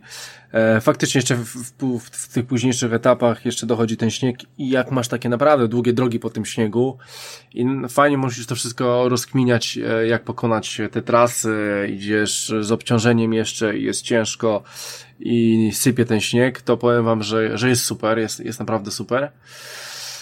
E, poza tym dalej Mortę, ogrywam dalej Mortę, fajnie się ogrywa Mortę, Morta jest trudna, e, naprawdę jest trudna. Faktycznie, może jakbym grał tak samemu, tak jak Rafa mówi, e, to faktycznie byłoby to prost, dużo prostsze, ale, ale no, no jednak dla mnie jest to typu, typowo kooperacyjny i w ten sposób będę w niego grał. Więc zostaje tak jak jest i, i, i po prostu nie będę tutaj nic zmieniał. E, słuchajcie, coś jeszcze. W sumie jakoś tak e, du, dużo takich głupot e, właśnie ogrywałem. Głównie na Death Strandingu się skupiłem na misje, misje poboczne sobie robię. I w sumie tyle. Powiem wam, że teraz była jakaś tam fajna promocja e, The, The Division 2. Wyobraźcie sobie jakieś tam, jakieś tam śmieszne pieniądze, jakieś 40 chyba złoty czy coś. E, postanowiłem sobie, że sobie to ogarnę. Oczywiście mm, mówię o promocji, ale z niej nie skorzystałem, bo po prostu ta gra dziwnym trafem po prostu wskoczyła na moje konto. E, I wyobraźcie sobie, że ja pobieram, a tam jest 103 giga. Boże, jakie to jest ogromne. E, znajomy mi ostatnio powiedział, że nowe Call of Duty już waży powyżej 130 giga, chyba coś koło 140 giga. Plus Division to mamy już pra prawie 250 giga na dwóch grach, gdzie dyski mają 500 i chyba tam możesz zapełnić do 420, więc e, powiem wam jeszcze, jak dowalicie GTA, to chyba więcej jak tych trzech gier nie macie na, na PS4 e, z 500 gigowym e, dyskiem, więc ogólnie jest grubo, ogólnie jest grubo i powiem wam, no musiałem sporo, sporo rzeczy pousuwać, e, żeby te 103 giga sobie zrobić, no ale chcę zobaczyć, no splanowałem jedynkę, Teraz chętnie sobie pogram w tą dwójkę, szczególnie, że słyszałem bardzo dobre opinie na ten temat, zresztą recenzowaliśmy. Wojtek, pamię... nie Wojtek, Michał opowiadam nam o Division 2 i mu się podobało. Więc tak, jak najbardziej E, muszę to obejrzeć. E, Boże, e, muszę w to pograć. No i tyle w sumie. Czekam na ten szpital. W tym tygodniu pojawia się, chyba już premiera była na konsolach, ale w tym tygodniu będzie na Game Passie, więc bardzo chętnie. Pomimo tego, że ogarniałem tu Point Hospital na PC, nawet był odcinek o tym, to na konsoli jak najbardziej chcę sobie to, w to pograć, mieć trofea i po prostu wiem, że będę się zajebiście bawił. Zajebisty tytuł. Wszystkim go polecam. E, no i dobra, słuchajcie, e, coś jeszcze, tak jak Wojtek mówi, że on czeka na Duma, ja na to e, w pasie jeszcze coś, dobra, to, to w sumie nie. Słuchajcie, jeśli chodzi o filmy, z filmami tak tylko przelecę. Byłem na Emmie w kinie, wy macie dopiero w piątek. Ja już byłem, walentynki w sumie, bo tam w Anglii było trochę wcześniej to wszystko. Więc tak, no jedni chodzili na 365 dni, rozumiem. Ja byłem na Emmie. E, słuchajcie, Emma, Emma bardzo fajna, aczkolwiek e, ten film z Gwyneth Paltrow, e, poprzednia Emma z 90 któregoś tam roku była zdecydowanie lepsza dla mnie. Ta nowa jest bardzo fajna. E, znaczy może nie bardzo fajna, jest po prostu jakaś tam e, e, normalna, e, ale, ale jednak e, ta starsza odbiła mi się lepszym echem, lepiej ją zapamiętałem. E, nie będę się tutaj rozwodził e, nad tym filmem, nie ma tutaj w takich komediach romantycznych w sumie, nie ma tutaj niczego wielkiego, jest happy end, jeszcze gdyby był jakiś mindfuck na końcu, a mógł być, myślałem, że się pokuszą, to nie, ale chyba skończyło się tak jak w książce, więc, e, więc e, no szkoda. Przyjemny film oczywiście, jak najbardziej, w walentynki wolałby, wolałem to, no, e, ale e, każdy spędza te walentynki jak chce. E, w ogóle miałem taką śmieszną sytuację w kinie, bo u mnie w kinie ja mam dosyć nowe kino, w sumie mam, nie wiem, 2-3 lata. I mam tak, że mam na samej górze są normalne, najtańsze fotele, później mam w środku sali hotele, fotele premium, fotele, fotele, e, fotele premium, więc e, troszeczkę droższe, no i tak e, idealnie, że tak powiem, na ten ekran. No, a na, później, później jest jak przerwa, jak się te fotele kończą, jest przerwa, że możesz sobie przechodzić i niżej masz na samym dole skórzane fotele, w których, które są połączone podwójnie, e, tak dwie osoby obok siebie leżą, troszeczkę jak na sofie. Można je sobie brać do tyłu, do przodu, e, więc można się na nich rozjebać e, kolokwialnie mówiąc, i jeszcze mają stoliczek, więc e, spoko. I to są trzy rzędy i one są na samym dole. I wyobraźcie sobie, że w trzecim rzędzie spoko, ale ten film oglądałem w pierwszym rzędzie, więc byłem maksymalnie najbliżej jak się dało. No i nie polecam. To dramat. To kurwa, jak, jak ludzie mogą w pierwszym rzędzie siedzieć. E, no, powiem wam, że źle. Pomimo tego, że mogłem je sobie rozwalić, troszeczkę miałem głowę wyżej, więc e, fajnie, wszystko super. Mogłem się nawet przespać w tym. E, ale, ale nie, nie, nie. Dramat. W pierwszym rzędzie dramat. Nie polecam kina w pierwszym rzędzie, w drugim raczej też, w trzecim, trzecim i w górę to może. E, więc słuchajcie, to Emma. E, poza tym e, szybko wskoczę. obejrzałem sobie dwie adaptacje Disneyowe, jeżeli chodzi o, o bajka film, ponieważ na HBO przygotowałem sobie, a tak dwie naraz jednałem sobie, czyli mamy Dumbo i Aladyna. Zacznę od, tak szybko przelecę, zacznę od Dumbo. Nie pamiętam doskonale tej bajki, aczkolwiek, aczkolwiek mniej więcej wiem, co tam się działo. E, natomiast w tym nowym Dumbo, dopiero jak e, tak skończyłem ten film, to zobaczyłem, że o Boże, Tim Burton to robił. Wow! Tim Burton to robił, robił ten film Tim Burton i dlaczego tak spierdolił. E, powiem wam, że pomimo, że fajnie to wygląda, no grafika fajnie, stylistyka fajna, po podobało mi się to nawet, bo to akurat jest e, w, w kształt Tima Bartona w to, co on tam lubi tworzyć i te światy, te Edwardy i te wszystkie, co tam zrobi z czekoladami i tak dalej. E, znam jego styl, lubię ten styl, szanuję ten styl.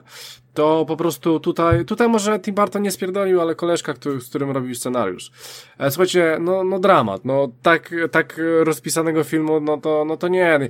Ja, ja nie wiem, czy koleżka chciała zrobić adaptację jakiejś tam tej bajki jeden do jednego, no nie, nie oglądałem tej bajki, ale, ale to, może gdyby zrobił z tego serial, było, miałoby to więcej sensu, ale, ale powiem wam, że strasznie leci ten film. Strasznie szybko leci ten film. E, I bardzo mi się to nie podobało. Bardzo mi się to nie podobało, bo nie, tam nie było niczego wyrazistego i, i po prostu, no bajka, bajka, ja rozumiem bajkę, ale, ale strasznie się tam ta fabuła e, gubiła i bardzo mi się to nie podobało. E, natomiast jeżeli chodzi, to tyle, e, jeżeli chodzi o Aladdin, Aladdin był świetny, szczególnie Will Smith jako Jean jest po prostu kozakiem, rewelacyjnie, pomimo tego, że czasami jak, jakie mm, on miał te akcje, że jest po prostu tym Jeanem, jest niebieski, no to widać ten komputer i tak, a, no, no, w porządku, tak, ale, ale ogólnie jako postać jest świetna, myślę, że Jean, e, ten Jean wyszedł lepiej niż w bajce, e, tak, a jeżeli, a jeżeli chodzi, o, jeżeli chodzi o, o, o, całego Aladyna jako, jako film, no to całkiem solidny, aczkolwiek nie podobało, e, re, reszta poza Willem Smithem e, mi się nie podobała, w sensie ci aktorzy byli, byli po prostu nijacy. E, ale, ale jak najbardziej bajka fajna, troszeczkę fajniejsza była ta adaptacja, mówię, e, Will, Will dużo robi, wiemy jak dobrym jest aktorem, więc więc e, umie też grać nie tylko dramaty, tylko fa fajnie w komediach się też e, sprawdza. Zresztą chyba był jakiś serial z nim kiedyś. E, mniejsza o to. Mm, więc te, te jak najbardziej Aladyna polecam. Da, Dumbo nie, nie, nie. Możecie omijać to szerokim łukiem. Jeszcze powiem jeszcze o jednym filmie. Nie wiem, czy mówiłem. Chyba nie, chyba nie mówiłem. Słuchajcie, film nazywa się Upgrade. E, czyli, czyli e, film nazywa się, e, no tam Upgrade, nie, nie, nie wiem jak, jak, jak to jest przetłumaczone, prawdopodobnie w Polsce jest to przetłumaczone, nie wiem nawet. Suma summarum. Film jest sensacją, jest chyba na Kanal Plusie. Koleżka, jest taka minimalna przyszłość, taka może troszeczkę, nie no, przed Blade Runnerem, ale, ale no, no tak troszeczkę w, przyszło, w przyszłości jest technologia i to wszystko i mamy parę szczęśliwą i mają wypadek i ona ginie, żona mu ginie i on, i on jest sparaliżowany. No i ktoś mu proponuje jakiś chip, chip do, do kręgosłupa i dzięki niemu będzie po prostu, będzie po prostu mógł prowadzić normalne życie, jest sparaliżowany i tak dalej. Więc suma summarum film jest o tyle fajny, że naprawdę jest tam historia człowieka, który, który jest po prostu w dupie i faktycznie jest to z tej psychologicznej strony pokazane, że to nie jest taki film sensacja, czysta sensacja, zabili go i uciekł, ale po prostu jest tutaj troszeczkę więcej tej głębi i dlatego jest, jest to fajnie zrobione. Okazuje się, że ten chip ma swoją inteligencję i i w pewien sposób może pod jakimiś tam, pod jakimiś tam pozwoleniami kierować całym jego ciałem. No i e, wchodzi nam się film akcji, on mści się za swoją rodzinę. E, powiem wam, że jest e, dosyć za swoją żonę w sumie i za, i za siebie, za wypadek. Słuchajcie, powiem wam, że film jest o tyle też fajny, bo ma ciekawe zakończenie. Nie jest to takie zakończenie, zabili, zabił wszystkich i, i nikogo nie ma, tylko jest to takie nawet dramatyczne zakończenie, więc rzadko mi się coś takiego zdarza. Więc jak najbardziej polecam wam Upgrade, bo to jest taka sensacja nietypowa typowa i naprawdę bardzo dobra. E, nie ma, nie ma tam samej akcji, jest tam trochę rozkminy, jest minimalna przyszłość, e, mamy psychologiczne postacie i końcówka jest dobra. Więc upgrade wam polecam, e, leci gdzieś na kanał Plusie, możecie gdzieś dorwać. Myślę, że jeszcze jest. Tak, bardzo fajny film. Słuchajcie, o planszówce na razie nie powiem, o na razie o niczym nie powiem, bo to nie ma sensu. Michał, Rafa miał mówić o marzeniach. E, tak, ale z, z, zanim przejdziemy, chcę chłopaki, chcę chłopaki troszeczkę powiedzieć przynajmniej o tym Xboxie, bo to jest e, informacja z dzisiaj, informacja, no z dzisiaj, tak, więc e, chcę e, troszeczkę powiedzieć, jak coś to możecie dopowiedzieć, jeżeli cokolwiek wiecie. Słuchajcie, więc e, Phil Spencer dzisiaj nam powiedział o Xbox Series X, przy, przybliżył nam e, czym to mniej więcej jest, więc już wiemy na 100%, mamy 12 teraflopów, E, więc moc obliczeniowa e, jest dosyć spora, e, czyli to jest praktycznie dwa razy więcej niż e, Xbox One X, czyli ostatnio, ostatnia najmocniejsza konsola, jaka aktualnie jest jeszcze na rynku. E, słuchajcie, mamy tam jakieś e, architektura Zen 2, RDNA, to tam jakieś głupoty. E, oczywiście mamy różne fajne technologie, czyli jakiś ray tracing i to chodziło o to, żeby był sprzętowy, a nie software'owy, więc to fajnie wszystko wyszło. E, mamy jeszcze jakieś tam głupoty, ale o, o tym nie chcę mówić. Chcę mówić o, o, o konkretach, więc słuchajcie, gramy bez czekania więc e, bardzo fajnie, czyli klikamy i gramy. I tak, i tak ma być. E, czyli to będzie się streamowało. Możesz to troszkę rozwinąć? Ty znasz? Tak. E, chodzi, chodzi, e, chodzi Wojtku o coś takiego, że tak jak mówiłem o chmurze, nie, nie powiem o tej chmurze, bo, bo nie ma na, na to czasu, ale e, Phil chce wprowadzić coś takiego, że po prostu chcesz sobie pograć w jakąś grę, wchodzisz do sklepu, klikasz na nią i grasz. I będzie to połączone ze streamingiem, tak? E, będzie połączone, że grasz na początku ze streamingiem, a gra będzie ci się ściągała. I w pewnym momencie, no oczywiście tam nie będziesz miał 4K, czy 8K, czy milion klatek, tylko po prostu będziesz, będziesz mógł ją odpalić i będzie to całkiem fajnie wyglądało, aczkolwiek e, to ci się wszystko będzie ściągało w tle i będziesz, e, będziesz po prostu mógł ją sobie od razu odpalić. Tak, i to jest ten X-Cloud, o którym miałem mówić. Nie wiem, czy dzisiaj powiem, bo chyba nawet nie będzie na to czasu, ale to mniej więcej o, o to, o, o, to w tym chodzi. E, więc e, to, to są jeszcze i tak szczegóły, dokładnie jeszcze to nie jest wytłumaczone, ale, ale jest coś takiego i to będzie wałkowane dalej, więc pewnie więcej szczegółów wyjdzie w dniu premi- w, w, w, myślę, że nie może na targach E3. E, tam będzie tego na, najlepiej. Słuchajcie, kolejna opcja, czyli Quick Resume, czyli e, wyłączamy tak jakby konsolę, włączamy konsolę i od razu konsola wchodzi i jesteś w grze, w której jesteś bez żadnego wczytywania, bez niczego.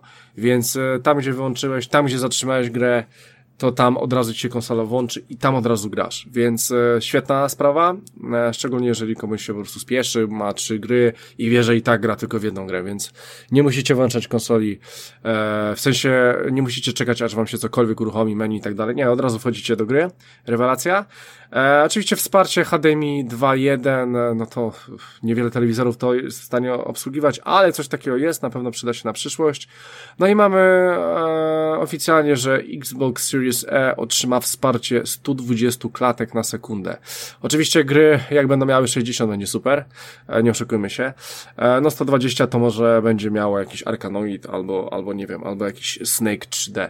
E, tak czy siak, Xbox będzie miał taką możliwość i e, będzie się coś takiego e, mogło wyświetlać na waszych monitorach e, czy na innych rzeczach. No i słuchajcie, bardzo fajna też rzecz, jeżeli kupujecie jakąś grę na przykład na starą generację, powiedzmy Cyberpunk, już zrobiliście preordera, bo we wrześniu wychodzi na Xboxie powiedzmy S, czy tam Xboxie e, X, e, to słuchajcie, wyobraźcie sobie, że ta gra e, będzie wam też działała na nowym Xboxie, który wyjdzie, plus oczywiście będzie to e, te najlepsze doświadczenie, tak? Czyli, czyli po prostu kupujemy nie dość, że jest kompatybilna wstecz, to jest kompatybilna e, do przodu na nowe generacje, więc wszystkie gry będą kompatybilne. To, co kupicie teraz, będzie wam działało na nowych konsolach i, i z podrasowaną grafiką 4K i miliona, miliona, e, milioną innych e, funkcji i rzeczy e, będzie to fajnie działało. Więc e, po prostu, po prostu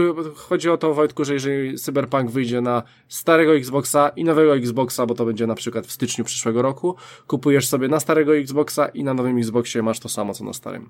Wiesz o co chodzi. No dobrze, ale to tak, tylko teraz no. pytanie. Rozumiem, że gra po prostu jest jedna, tylko tak, sprzęty tak. obsługują to, czyli w zasadzie będzie jeden cyberpunk, a nie będzie nie, cyberpunk nie, nie, Xbox One e, i cyberpunk, nie, cyberpunk. Nie. To, to powiem Ci, jak to będzie wyglądało. To będzie wyglądało w ten sposób, że załóżmy, jest styczeń, dobrze, no w grudniu wyszły konsole, pe, pewnie w listopadzie, dobrze, w listopadzie wyszły konsole i z konsolą e, możesz sobie kupić cyberpunka. Jeżeli kupisz sobie tego, tego, tego cyberpunka, to powiedzmy, Huh? Na, na nowego Xboxa, on zajmuje 100 giga, bo tam jest 4K i tak dalej, nie? E, czyli ściąga sobie 100 giga, ale ty już we wrześniu kupiłeś Cyberpunka, który zajmował 50, więc po prostu e, instalujesz, wchodzisz swój, swój login, hasło i tak dalej na, na koncie, klikasz sobie Cyberpunka już na nowej konsoli i pobierasz 100 giga, pomimo tego, że na starej masz 50 zainstalowane. I to jest wszystko w, w ramach tej samej ceny. Więc e, to jest taka kompatybilność, ale do przodu, a nie w tył. Więc to też jest fajne. Więc e, nawet jak kupisz nową FIFA, to na nowej konsoli, którą kupisz w styczniu, będzie ci działała i to tak jakbyś kupił no, no taką FIFA już podrasowaną 4K i tak dalej. E, wiesz o co mi chodzi. Więc e, to idzie, to idzie też do, to idzie też do przodu. Albo może inaczej. E, będzie łatwiej. E, że wychodzi na przykład jakaś FIFA 21 na wszystkie generacje, kupujesz po prostu na starą i działa ci na nowej. I po prostu działa na wszystko, bo Xbox chce zrobić tak, że niezależnie od tego, na czym grasz, ważne w co grasz i Xbox, Xbox to ciśnie, tak? Jemu chodzi o software. W sensie, że, że chodzi mu o usługę, a nie o to, na jakim sprzęcie grasz. I, i o to w tym chodzi, nie? E, no. Pobawimy się trochę w ten gdybanie, czy jeszcze będziesz tam coś mówił? Bo e, poczekaj, wiesz co? Bo, zapytać bo jeszcze, was o opinię. E, bo jeszcze e, chciałem powiedzieć tak, o no dobra, nie, powiedziałem wszystko, co chciałem powiedzieć, więcej informacji będzie później. jeszcze tylko mam taką ciekawostkę, tam gdzieś przeczytałem, to jest wszystko nieoficjalne, że wyobraźcie sobie, że jakiś CEO Sony ma tych akcjonariuszy i tak dalej, no i o tej playce jest w sumie na, naprawdę bardzo mało, tak? Widzieliśmy tylko logo i nic więcej nie wiemy. No i on jest tam naciśnięty i podobno już, już Sony jako Sony bo to jest CEO Sony, e, porozumie, porozumiał się z, z oddziałem PlayStation i tak dalej i powiedział, że słuchajcie, do, do kwietnia wy macie dawać już konkretne dane, bo, bo po prostu jest w piździe, ludzie odchodzą i tak dalej. I do kwietnia PlayStation ma podać wszystkie rzeczy i też ma podobno podać cenę tej konsoli e, do kwietnia. I PlayStation strasznie boi się tego, jaka cena będzie Xboxa, dlatego chcą to przeczekać, ale wiedzą, że cena prawdopodobnie wypłynie dopiero na E3, a PlayStation, Sony nie ma, nie ma tyle czasu i, i, i boją, boją się po prostu tego, jaką cenę da e, Xbox, bo czekają na tą cenę i wtedy Sony może wruszyć, ruszyć, ale chyba wcześniej jak E3 to się nie dowiemy. No Wojtku? To jest gdybanie. No, jak myślicie, w tym e, zbliżającym się konflikcie odwiecznym w nowej odsłonie, czy tym razem Xbox, czy tym razem Sony PlayStation, co będzie w Polsce? Bo wiadomo, tam na świecie to różnie, nie? Stany Zjednoczone to bardziej Xbox, wiadomo, tam, a Europa wydaje się, że jednak trochę bardziej PlayStation, jak myślicie, jak to będzie u nas? E, Rafa, bo cały odcinek bardzo dużo mówi. No czekam cały czas, aż skończycie, wiesz, ja sobie zostawiam na później, no dobra, a tu się no to, okazuje, to powiedz że trochę o tym. To... Ja myślę, że Play jak się utrzyma pod kątem przesiadek, no i, i że mają parę asów w rękawie. Troszeczkę mieli wcześniej problemów przy PS3, przy PS4 i tym doświadczeniem powinni pokonać jakby, wiesz, jednak to są gry, tak? I, I dużo gier tam się powiedzmy szykuje na tą premierę, plus, plus wreszcie ta wyczekiwana kompatybilność, która będzie od razu zapewniała mm, przeskok wszystkim z PS4 na, na, na, wiesz, którzy nie przeszli na prosiaka. Yy, no wiadomo, że te gry będą działały również w jakiejś tam, wiesz, zwiększonej wydajności i będą jakieś łatki plus szereg tam różnych, wiesz, dodatkowych rozwiązań, które wprowadzają i być może będzie większa wydajność. Myślę, że z ceną na bank się, wiesz, gdzieś tam yy, sprowadzą niżej, co, co też ma znaczenie. Yy dosyć mocno starają się w tym roku podbić różnymi akcjami e, swoją atrakcyjność. Dzisiaj się przecież rozpoczął konkurs, e, gdzie tak naprawdę rejestracja mm, na wydarzenie i wiesz, wspólnie wszyscy gramy, żeby nabić tam ileś, wiesz, tysięcy godzin w gry różne i jakieś trofea i tak dalej, i tak dalej. Cały czas coś się dzieje, pomimo, że tak naprawdę to wiesz, jest schyłek niby, nie? Mm, no i ja stawiam na playkę, że, że ona się nie uruchomi, jakby Xbox wciąż fajnie chodzi na zakupy, zbiera sobie jakieś, wiesz, gry i tak dalej, ale yy, sama usługa Game Passa tutaj, tutaj nie wystarczy, za co oczywiście ją bardzo chwalimy, ale jednak yy, status drugiej konsoli myślę, że będzie, wiesz, utrzymany i zachowany. No. Czekam, czekam cały czas na Japońców, ale ja na nich stawiam w tym wyścigu Przynajmniej jeżeli chodzi o początkowe lata, no zobaczymy, co to będzie, wiesz, później przy rozwoju. Nie jest to też taki, wiesz, y, całkowicie chyba storpedo, storpedowany pomysł, że jakby pewne mm, Microsoft wyciągnął pewne wnioski, nie? Po, po, po poprzedniej, wiesz, wysokiej cenie, w obowiązkowym Kinekcie i tak dalej, i tak dalej, wiesz, podłączeniu do tak, internetu. Tak. Teraz też to wszystko wskazuje na to, tak jakby podłączenie do internetu było obowiązkowe, nie? Tylko, że po prostu w inne usługi jest to trochę opakowane, wiesz, to, to trochę tam o czym ty mówisz. Mnie to jakoś tam specjalnie mm, nie jara, bo już teraz jakby wygoda, wiesz, zdalnego instalowania gier, czy też nawet y, w przypadku Xboxa ich odinstalowywania, żeby zrobić miejsce sobie na, wiesz, na, na kolejną grę, to jest genialne, nie? Że, że po prostu mm. nie musisz no czekać, bo o kurde, zajebałem dyski, teraz nie mam, wiesz, nie mam, nie mam jak zainstalować gry, powiedzmy, więc to jest mega spoko, nie, bo jesteś w pracy i wracasz na, masz gotową grę, całą pobraną, nie. Eee, no ale zobaczymy. No ja myślę, że tutaj jest mocna strategia w tym, żeby się tam za specjalnie nie odzywać i poczekać, aż, aż wysypią się, wiesz, wszystkie jakieś karty z rękawa. Bardziej się martwię, czy mm, to całe, wiesz, zamieszanie z, z, z Chinami, technologią, jakimiś tam wiesz, rozwojem tego wirusa nie, nie spowoduje tutaj jakichś poślizgów, bo to jednak jest, jest gruby temat i... I coraz grubszy. No, no coraz grubszy, tam wiesz, grubszy. Przestaje, przestaje działać wiele rzeczy, nie? Gdzieś ostatnio wyczytałem, że y, ślad węglowy Chin, czyli jakby wiesz, y, produkcja ogólnie CO2 i tak dalej zmalał o 25%. To jest ogromna ilość, wiesz, zatrzymanej produkcji, nie? Wiesz, paczki z AliExpress nawet nie tyle, że nie przychodzą, co nie są wysyłane, nie? No to, to, wiesz, na różnych tam rzeczach, telefonach i tak dalej się krzyczy, że, że, że to się może wysypać. No zobaczymy. Ale to powinno też jakoś sobie umrzeć. Ale nie chce mi się jakby, myślę, że na razie jest za mało informacji, żeby gdybać. Czekam, czekam na pewno jak Sony otworzy się ze swojej strony, to będzie coś ciekawego. Jakoś też specjalnego wrażenia na mnie nie robi te 12 teraflopów jakby tą, tą, ta cała strona, wiesz, wydajności tutaj, no bo w gruncie rzeczy, Serio? Dwukrotny wzrost? No jakby to, że teraz y, Xbox y, One X ma, ma 6 i powiedzmy, no, że jest najpotężniejszą konsolą, tak, mocniejszy od prosiaka i tak dalej, spoko, ale, ale no to w takim razie 12 ma tutaj być jakimś, nie wiem, kryterium następnej generacji? To tak jeszcze nie było chyba w historii, nie? Wcześniej było, wiesz, kilkunastokrotne albo dziesięciokrotnie mocniejsze albo coś, albo coś, a teraz to, no, no, no, PC jakiś taki, wiesz, do rozbudowy się kłania, nie? No, już, już tam e, się śmieją, że o, to, to, to tak jak GeForce 2080, nie? Więc no, dokładnie. Tak. To, to ja tylko powiem, odpowiem Wojtku na twoje pytanie. Znaczy, nie, nie wiem. Powiem ci, że e, powiem ci tak, e, na pewno Xbox bardziej się stara niż PlayStation. Przynajmniej o tym wiemy. E, Xbox, e, PlayStation na razie się chowa, nie rozkłada swoich kart. Nie wiemy, co tam się czai, co mają, co nie mają, jak to będzie wyglądało. Prawie nic nie wiemy, więc, e, więc e, ciężko tak troszeczkę powróżyć. E, no widać, że, że, że Microsoft się stara, zobaczymy. E, ja tylko chciałem jeszcze tylko powiedzieć o takiej rzeczy, że niezależnie od tego, co Xbox wypuści, Sony ma bardzo duże grono swoich fanów. I powiem Ci, że ja nawet wśród znajomych, oni co roku FIFA, Call of Duty, Battlefield, jakieś takie tytuły. I oni na pewno wybiorą Sonkę. Oni wybiorą Sonkę, bo oni nie grają nawet te ekskluzywy. O, ich to tam pierdoli, nie? Oni po prostu grają w tą Sonkę, po prostu ją mają i zawsze mieli Sony i będą grali dalej na Sony, no bo Sony.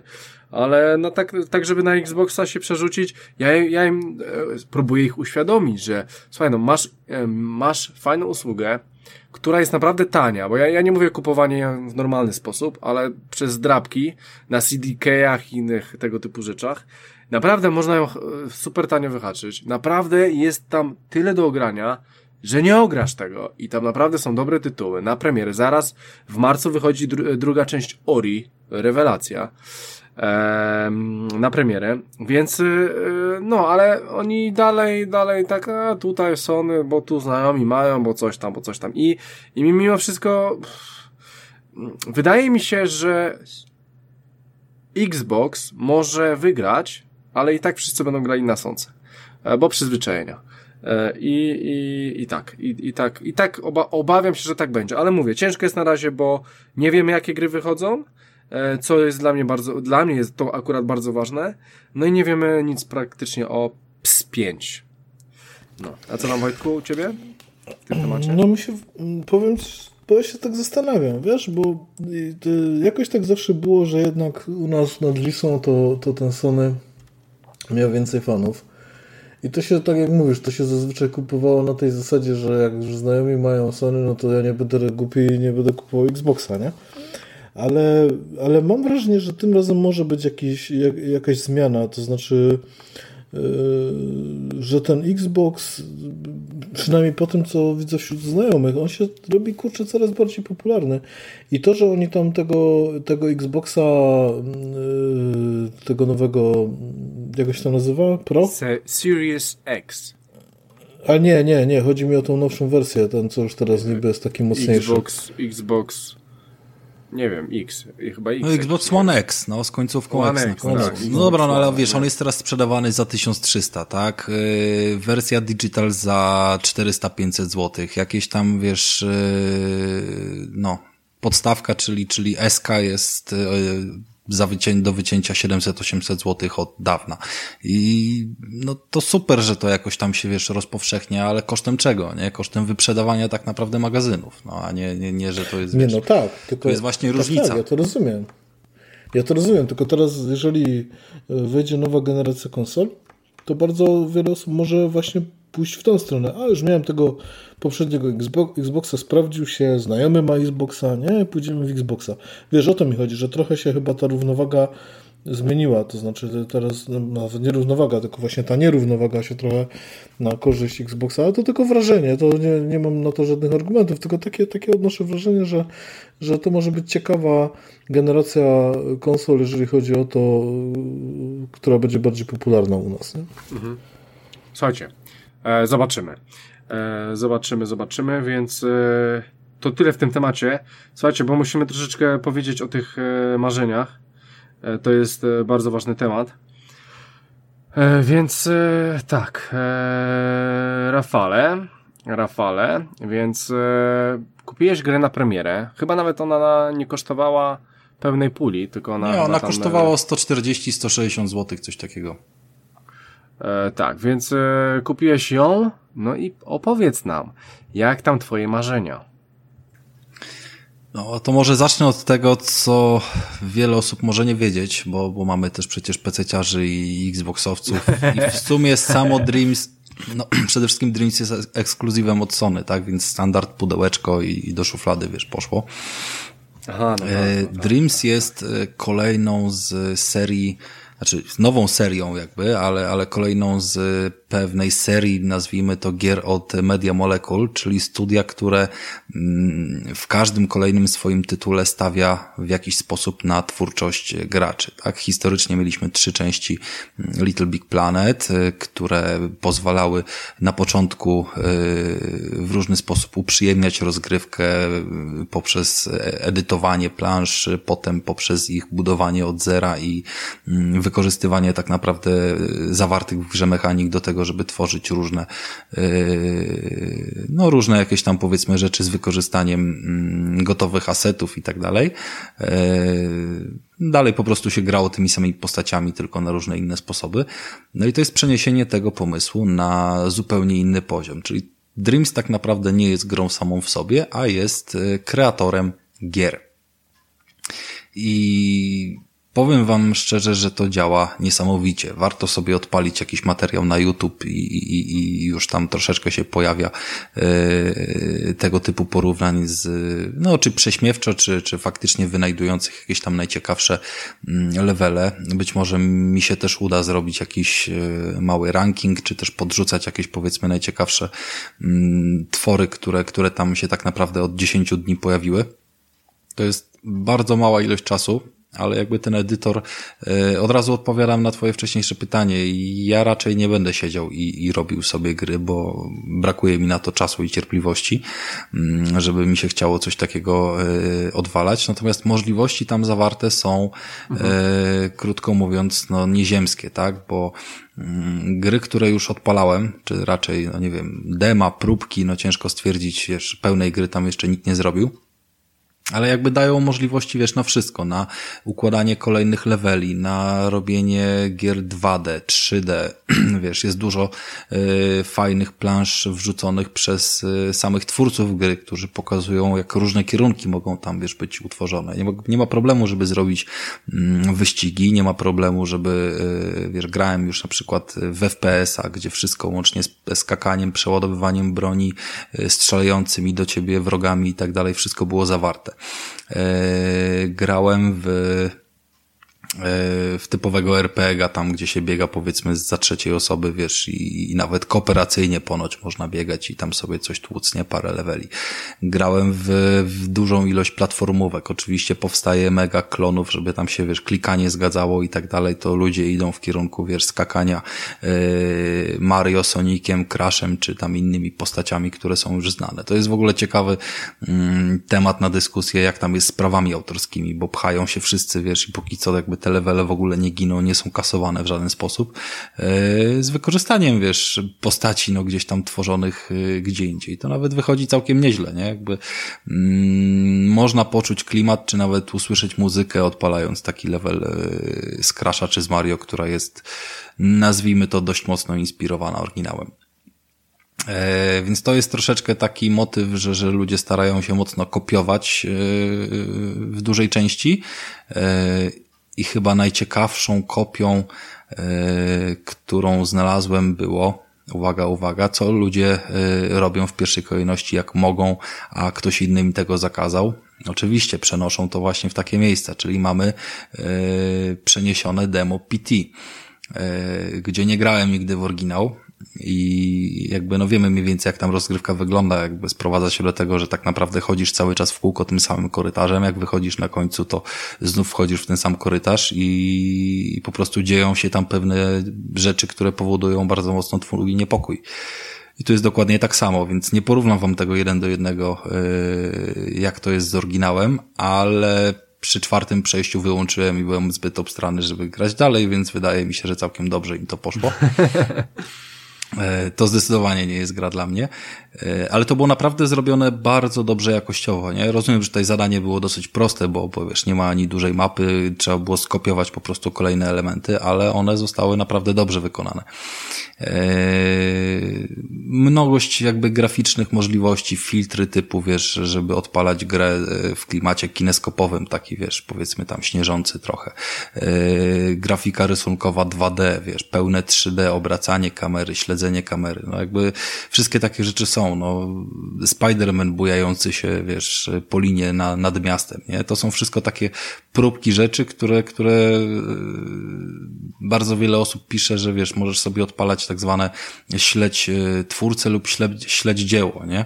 I, I powiedzmy, że potem będzie się, wiesz, można do nich wracać, kiedy oni tam już ukończą jakąś swoją y, większą część rozgrywki. No, jak dla mnie to jest w ogóle kopalnia talentów dla, dla przyszłych, wiesz, jakby Sony jakby ktoś podejrzewał, że Sony ma za mało gier, to jakby właśnie sfinansowali yy, grę, która pozwala tworzyć gry i dzięki temu mogą sobie po prostu jak na wędce łapać co najgrubszych, tam najciekawszych, wiesz, yy, do swoich zespołów deweloperskich pracowników potem. No jakby w ten sposób to wygląda, nie? Dla mnie.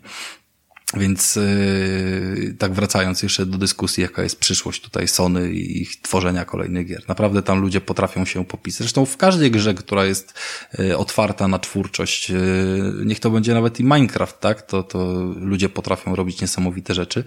Mm, no i to jest narzędzie naprawdę potężne do tego, nie?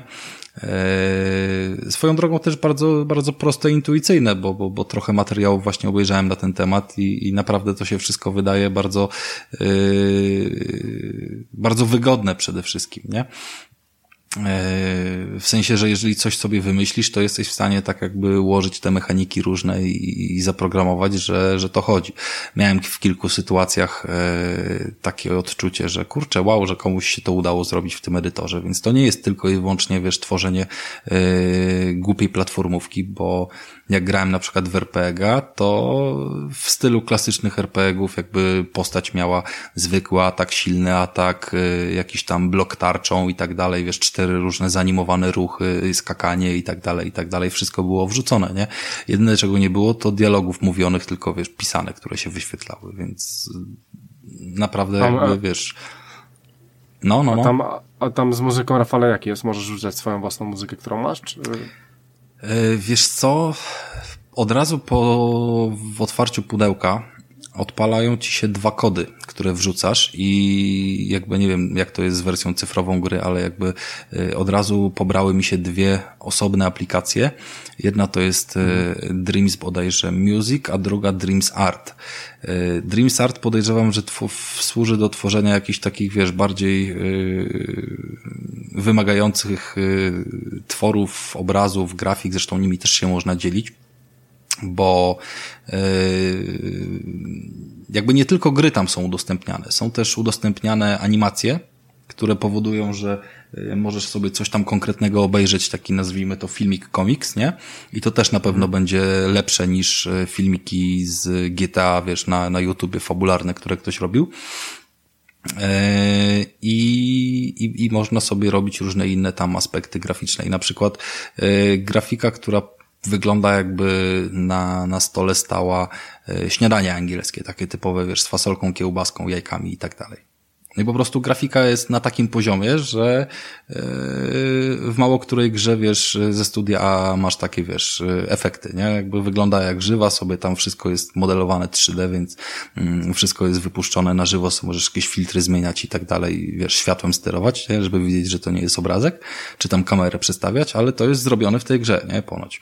No więc mhm. niektórzy idą sobie w takie kierunki i jest tworzenie muzyki. Nie odpalałem tych edytorów, więc nie pyta, jak to można zrobić, no ale pod kątem e, część gier ma jakby wykorzystany motyw standardowy z PSX-a. Jakby z tym się spotkałem na początku, w sensie to, to wiesz, logo Sony Computer Entertainment i, i ta charakterystyczne dźwięki, więc na bank jest możliwość przeniesienia, nagrania, odtworzenia wszystkiego, bo to są dźwięki jeden do jednego odniesione, nie, więc yy, poza tym sporo leveli miało naprawdę yy, fajną muzykę odtworzoną, wiesz, był taki, to co mi dosyć mocno zapadło w pamięć, to, to było takie chodzenie po, yy, po planecie, to zakładam, że po Marsie, bo jakby level się nazywał Curiosity, I on był fajny, bo chodziło się takim robocikiem, który wyglądał jak mocno stuningowany łazik właśnie Curiosity yy, i tak naprawdę był tylko jeden cel, żeby dojść tam, wiesz, gdzieś dalej, powierzchnia planety była, wiesz, tam mocno jakaś kamienista i, i w tle przygrywała taka klimatyczna muzyczka. Jedyne, co można było zrobić, to E, połączyć się z bazą i, i odebrać komunikat, w którym coś tam było napisane właśnie od autora parę słów, między innymi tam podziękowania za tą wspaniałą grę, nie? Że wiesz, że będzie się mógł tam spełniać twórczo, nie? Więc to był taki fajny klimat, no i tam gdzieś wiesz, dochodzisz do celu i kamera gdzieś ucieka, ale jakby było kilka takich e, dem i, i, i mm, elementów, które pokazały, że nie tylko grafikę, ale i muzykę ludzie potrafią stworzyć fajną i nadać nią klimat, wiesz, do, mm, do całości. Zresztą w PT też były różnego rodzaju właśnie tam dźwięki, jakieś szumy z tyłu, nie? Więc y, jakby od każdej strony, i od graficznej, i od ruchowej, i od muzycznej, ta, ten edytor jest w stanie, wiesz, y, pokazać na co go stać. Czyli e, Rafale, e, bo chcę się dowiedzieć, bo tak e, jak, jak sobie e, porównuję to do Little Big Planet, bo akurat w to, w to dużo grałem, no. E, to też, też tam e, pierwsze moje pytanie brzmi, też masz tam taki e, system jakichś takich lajków albo tego typu rzeczy, że jak ci się podoba, to level, to Tu nawet jest on mocno, mocno, mocno, mocno jest rozwinięty, bo oprócz tego, że masz na dzień dobry, wiesz, serię tam od, do odkrywania różnych rzeczy, wiesz, rekomendowane, najwięcej grane, tam polecane i tak dalej, i tak dalej, Masz oczywiście wyszukiwarkę, tagi i, i, i, typ tego, co szukasz i tam szereg różnych opcji możesz e, sobie z tym wykorzystywać. Ale co jest najfajniejsze, jest dedykowana strona internetowa do tego, na którą się logujesz oczywiście za pośrednictwem swojego konta e, w Sony. E, przeglądasz sobie siedząc w pracy albo na uczelni czy tam po prostu zwyczajnie na kiblu i dodajesz do zagrania na później i masz to potem do obejrzenia na później na konsoli i to się wczytuje, słuchaj, mniej więcej w sekundę, dwie, trzy, no zależy jaki to jest level, ale po prostu to nie trwa. Myślałem, że tam będzie się coś, wiesz, musiało pobierać, ale jakby na tyle ta mechanika jest y, spójnie zrobiona, że to się odpala dosłownie w sekundę, dwie. Nie podoba ci się, klikasz y, options i wychodzisz do głównego menu również w sekundę, dwie, nie? Więc... Czyli... Y, no, no tak, czyli Czyli jest tam jakiś ranking tego, takich naj, najzajebistszych i tak dalej, i tak dalej. I masz też taką wyszukiwarkę, że wpiszesz sobie, nie wiem, z dupy Tak, Doom tak, tak, tak, tak. Tak jak, te, tak, dokładnie. Tak jak w, no. Wojtek ten i wyświetla ci się Doom. Dokładnie A, tak jest, e... tylko że na razie to jest dosyć mocno zdominowane przez te levele, które od tych pierwszych 10 dni gdzieś tam zdobyły najwięcej lajków i najwięcej osób się wyświetlały jako pierwsze, plus te od Media Molecule, które są jako, wiesz, standard jakiś na dzień dobry, więc yy, sam ranking powiedzmy tam jeszcze nie do końca, ale on jest właśnie, mówię, roz, rozróżniony na kilka kategorii, jakieś tam najszybciej, wiesz, najdynamiczniej e, zyskujące na popularności, żeby właśnie wyłapać coś innego, plus, plus szereg różnych e, opcji do wyszukiwania. Więc tak, no jakby to wszystko jest i, i sobie możesz wynajdywać naprawdę tego dużo i przede wszystkim nie musisz tego robić na konsoli. Ja już zrobiłem tak kilka razy, że nawet wczoraj, że po prostu w wolnej chwili posiedziałem sobie na telefonie, tam bardzo ładnie ta strona wygląda. Nie ma co prawda tam żadnych e, filmików i gifów, powiedzmy, tak jak na YouTubie masz, wiesz, skróty. Eee, ale jakby wystarczająco, żeby cię tam zainteresować jakiś tytuł, jakiś zrzut ekranu z tego i dodajesz na później dosłownie, wiesz, jednym kliknięciem, wracasz, od razu lecisz całą serię gier, nie? Coś ci się podoba, to lajkujesz albo dodajesz do obserwowanych potem sobie autora i tak dalej, i tak dalej, nie? Mhm. A e, powiedz mi jeszcze, Rafale, bo jak wy Big Planet e, ogarniałeś sobie, to przechodząc grę odkrywałeś różne elementy. E, głównie chodziło o te naklejki i tam. Nie, nie, tutaj jakby wszystko, wszystko jest chyba od razu. Ja nie wchodziłem w ogóle w edytor. Ja nie przeszedłem, bo tu jest, no tak, tak nazwijmy tak, to kampania, tak? W ogóle nie, nie odpalałem, nie przechodziłem, bo mi się nie chciało, wiesz, poznawać możliwości tego od tej strony, tylko od Ale razu to... poszedłem na, na odkopywanie, nie? Ale to myślisz, że jeżeli byś to odpalił, to normalnie miałbyś, e, bo byś miał jakiś samouczek, to na pewno, ale myślisz, że byś miał jakiś level, levele do przejścia? Pewnie tak. Wiesz, znaczy, można tworzyć bez chyba przechodzenia, może jakiś tam krótki samouczek i tak dalej. To nie jest tak, że jakby zaczynasz z pustą bazą, bo musisz sobie w fabule coś podblokowywać. To, to jakby w Little Big Planet było trochę więcej tego, wiesz, e, wbudowanego w fabule, nie? Poza tym w Little, mhm. Little Big Planet trójce było tak, że... Była fabuła w ogóle, tam chyba... No była, była, no mierna, ale była, natomiast y, rzeczy robione przez innych można było zdobywać na planszach również, mhm. które inni robili. Czyli na przykład A, jak sobie, tak, tak, no, tak, jak tak. sobie grałeś w planszę, którą ktoś porobił mm, w klimacie, nie wiem, załóżmy Crasha, no to mogłeś tam pozdobywać jakieś grafiki, jakieś modele, nie? Czy coś w tym stylu. Ale tutaj no jest to na zupełnie innym stopniu zaawansowania. Nie pytaj mnie o tworzenie, no do tego też są jakieś tam, wiesz, już, już e, YouTube pieje od tego, nie? Mhm. I, I faktycznie można, wiesz, e, z bardzo prostych mechanik się robi, wiesz, jeżeli chcesz, żeby jakiś obiekt się ruszał, e, to po prostu klikasz nagrywaj, łapiesz pada i ruszasz tym, nie wiem, załóżmy tam platformą, która ma, ma fruwać, nie? W jedną mhm. i w drugą stronę i klikasz to stop, nie? I koniec. I potem to już jeździ podczas gry. Mhm.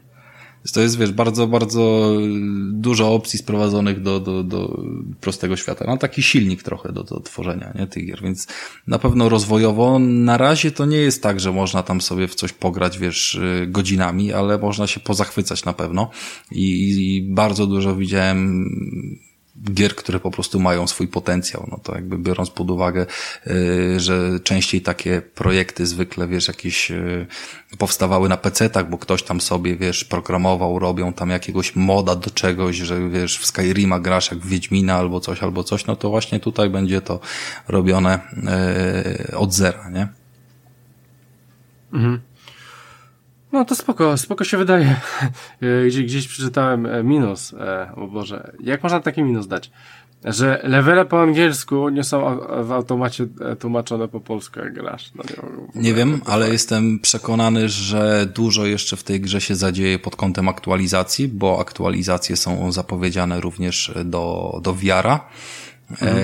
Poza tym myślę, że tutaj kluczem jest też prostota i i to jak te pomysły mogą być wykorzystywane przez twórców, bo, bo na przykład grałem w takie mm, kuriozalne gry jak yy, na cztery osoby yy, przeciwko sobie, można z komputerem, można jakby na cztery pady grać, walki bączków. Mhm i sterowanie jest po prostu, wiesz, mechanika kręcącego się bączka oddana, czyli ledwo, ledwo nim sterujesz, on ma swój pęd obrotowy, gdzieś tam możesz, wiesz, y, przed przewróceniem się powiedzmy klikając guzik, wiesz, rozpędzać go bardziej, ale ogólnie jak w coś pizniesz, to zaraz, wiesz, odlatujesz gdzieś mocno w boki i tak dalej, ostatni wygrywa, nie? Runda trwa jakieś 10 sekund i wiesz, grasz do trzech wygranych, za każdym razem się wczytywała mi inna plansza, więc to też jest, e, wiesz, dopracowane na tyle, że ktoś zrobił tych leveli trochę, żeby to się tam nie nudziło od razu i, i po prostu jakby samą mechaniką gra już tam powoduje jakieś e, ciekawe zamieszanie, nie? Ja, ja, ci, ja ci powiem, że mi się wydaje, że po prostu Dreams to taki bardziej mocno, nie no, dużo bardziej rozbudowane Little Big Planet, więc... E, no tak, to jest rozwinięcie tego pomysłu, oczywiście. Tak, tylko, tylko, że, tylko, tylko, że mam też nadzieję, że tam też nie będzie, Rafale, żadnej takiej większej głębi, że tam e, nie będą mogły być w stanie, nie będą mogli ludzie stworzyć gier. Gier w sensie gier na zasadzie gier, że normalnie grę przechodzisz. Tylko wydaje mi się, że tam to będzie też tylko na zasadzie jakichś tam leveli, poziomów i tego typu rzeczy. No ale na pewno masz grę, yy, z która, która jest normalnie zaprojektowana w ten sposób, że bo grałem w jedną platformówkę, która była yy, graficznie bardzo mocno zainspirowana Astrobotem mhm. z wykorzystaniem powiedzmy jakichś takich elementów jakby wnętrza komputera i takiej y, całej, całej otoczki, że tam wiesz, na przykład checkpointy to były klawisze F5 wystające z ziemi, nie? No, no. Takie rzeczy. E, I wyobraź sobie, że no właśnie masz checkpointy, masz poszczególne levele, masz całego huba, z którego przechodzisz sobie do kolejnych światów. E, wszystkie takie rzeczy są za, zaprojektowane, czyli to nie jest tak, że masz jeden level, o fajnie, pograsz sobie i koniec i wychodzisz, nie? Tam jest to w całą pajęczynę, wiesz, e, sklejone i, i naprawdę można zaprojektować całą grę. Jak grałem w tego RPG, to też szedłem sobie mapą i nawet nie widziałem, kiedy się wczytywały kolejne, wiesz, jakieś tam ekrany, bo to się bardzo szybko gdzieś tam dzieje nie? E, co więcej, jak pewne, pewne gdzieś tam etapy odpalałem sobie później, e, nie wiem do końca jeszcze jak to działa, ale e, ta platformówka mi się odpaliła dokładnie w tym samym miejscu, gdzie ją przerwałem od ostatniego checkpointa, czyli tak jakby na dysku ci się zapisują postępy z danego mm, tworu, który odpalisz. Mhm. Czyli jakby poza, poza samymi checkpointami do jednej rozgrywki, tak jakby automatycznie były też savey robione. Więc jakby wiem, zaskocz mnie, ale... gdzie tu, dla, dlaczego tutaj nie można pograć sobie, nie? Aha, aha, wiem o co ci chodzi. No tak, że to nie jest jednorazowe. Możesz wyjść i wrócisz sobie w tym samym momencie, gdzie wyszedłeś. Aha, no, no to nie. A no przynajmniej to, od ostatniego tak, checkpointa. Tak nie mogłeś robić. To... No nie mogłeś, tam mogłeś odpalić nie, jeden nie, level, pograć i go odpalić jeszcze raz, a tutaj jest to Tak, tak, rozbudowane tak, do tego, że masz oddzielne levele. Na przykład widziałem jakiś No, ale- poziom Mario, gdzie wchodzisz do Mario i masz normalnie huba z wskakiwaniem w poszczególne światy przez obrazy, nie? No i No dobra, obrazy, a- obrazy są jeszcze nie gotowe, ale już jakby wiesz, cały hub jest przygotowany i sobie śmigasz. No właśnie, bo jestem ciekaw, czy będą jakieś właśnie mogły być cutscenki. Cutscenki, no to cutscenki y, są, bo jakby mm, opcja reżyserowania jest tutaj bardzo rozbudowana i, część dem, które się odpala, to w ogóle nie są do gry, tylko są właśnie pokazami graficznymi Aha, mm, już zaprojektowanymi, więc jakby to też wchodzi. Jeszcze nie spotkałem się chyba z czymś, gdzie ktoś by nagrał jakieś dźwięki i tam wrzucał dialogi, tak? No ale, ale powiedzmy, że y, sam motyw, wiesz, y, muzyki, napisów i tak dalej też się w zupełności tam mm, dobrze spisywał, nie? No, naprawdę, No, naprawdę jest mocno. Myślę, że zrobimy sobie jakiś taki wątek, wiesz, na, na grupie, gdzie będę może wrzucał jakieś materiały, może parę filmików pozgrywamy, czy coś w tym stylu. I, myślę, że to będzie coś, co potrafi, znaczy, co wielokrotnie nas jeszcze zaskoczy za jakiś tam, wiesz, y, tydzień, miesiąc, dwa, mm, kiedy po prostu to się już y, rozwinie i te dzieła, no, ktoś będzie w stanie zrobić, no bo trudno w tydzień, kurczę, wiesz, oczekiwać, że to będzie świetna gra stworzona. No, ale grałem już, wiesz, chociażby w ten level y, Metal Geara pierwszy odtworzony, nie? No i spoko, spoko jest, no.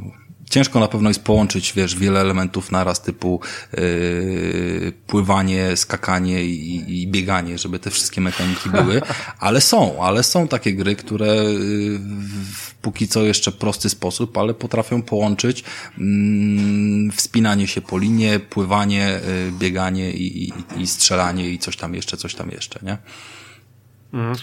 Szkoda, że ten... I co lepsze, e, każda, jeszcze, jeszcze ci dodam, każda z tych y, gier ma y, inną fizykę.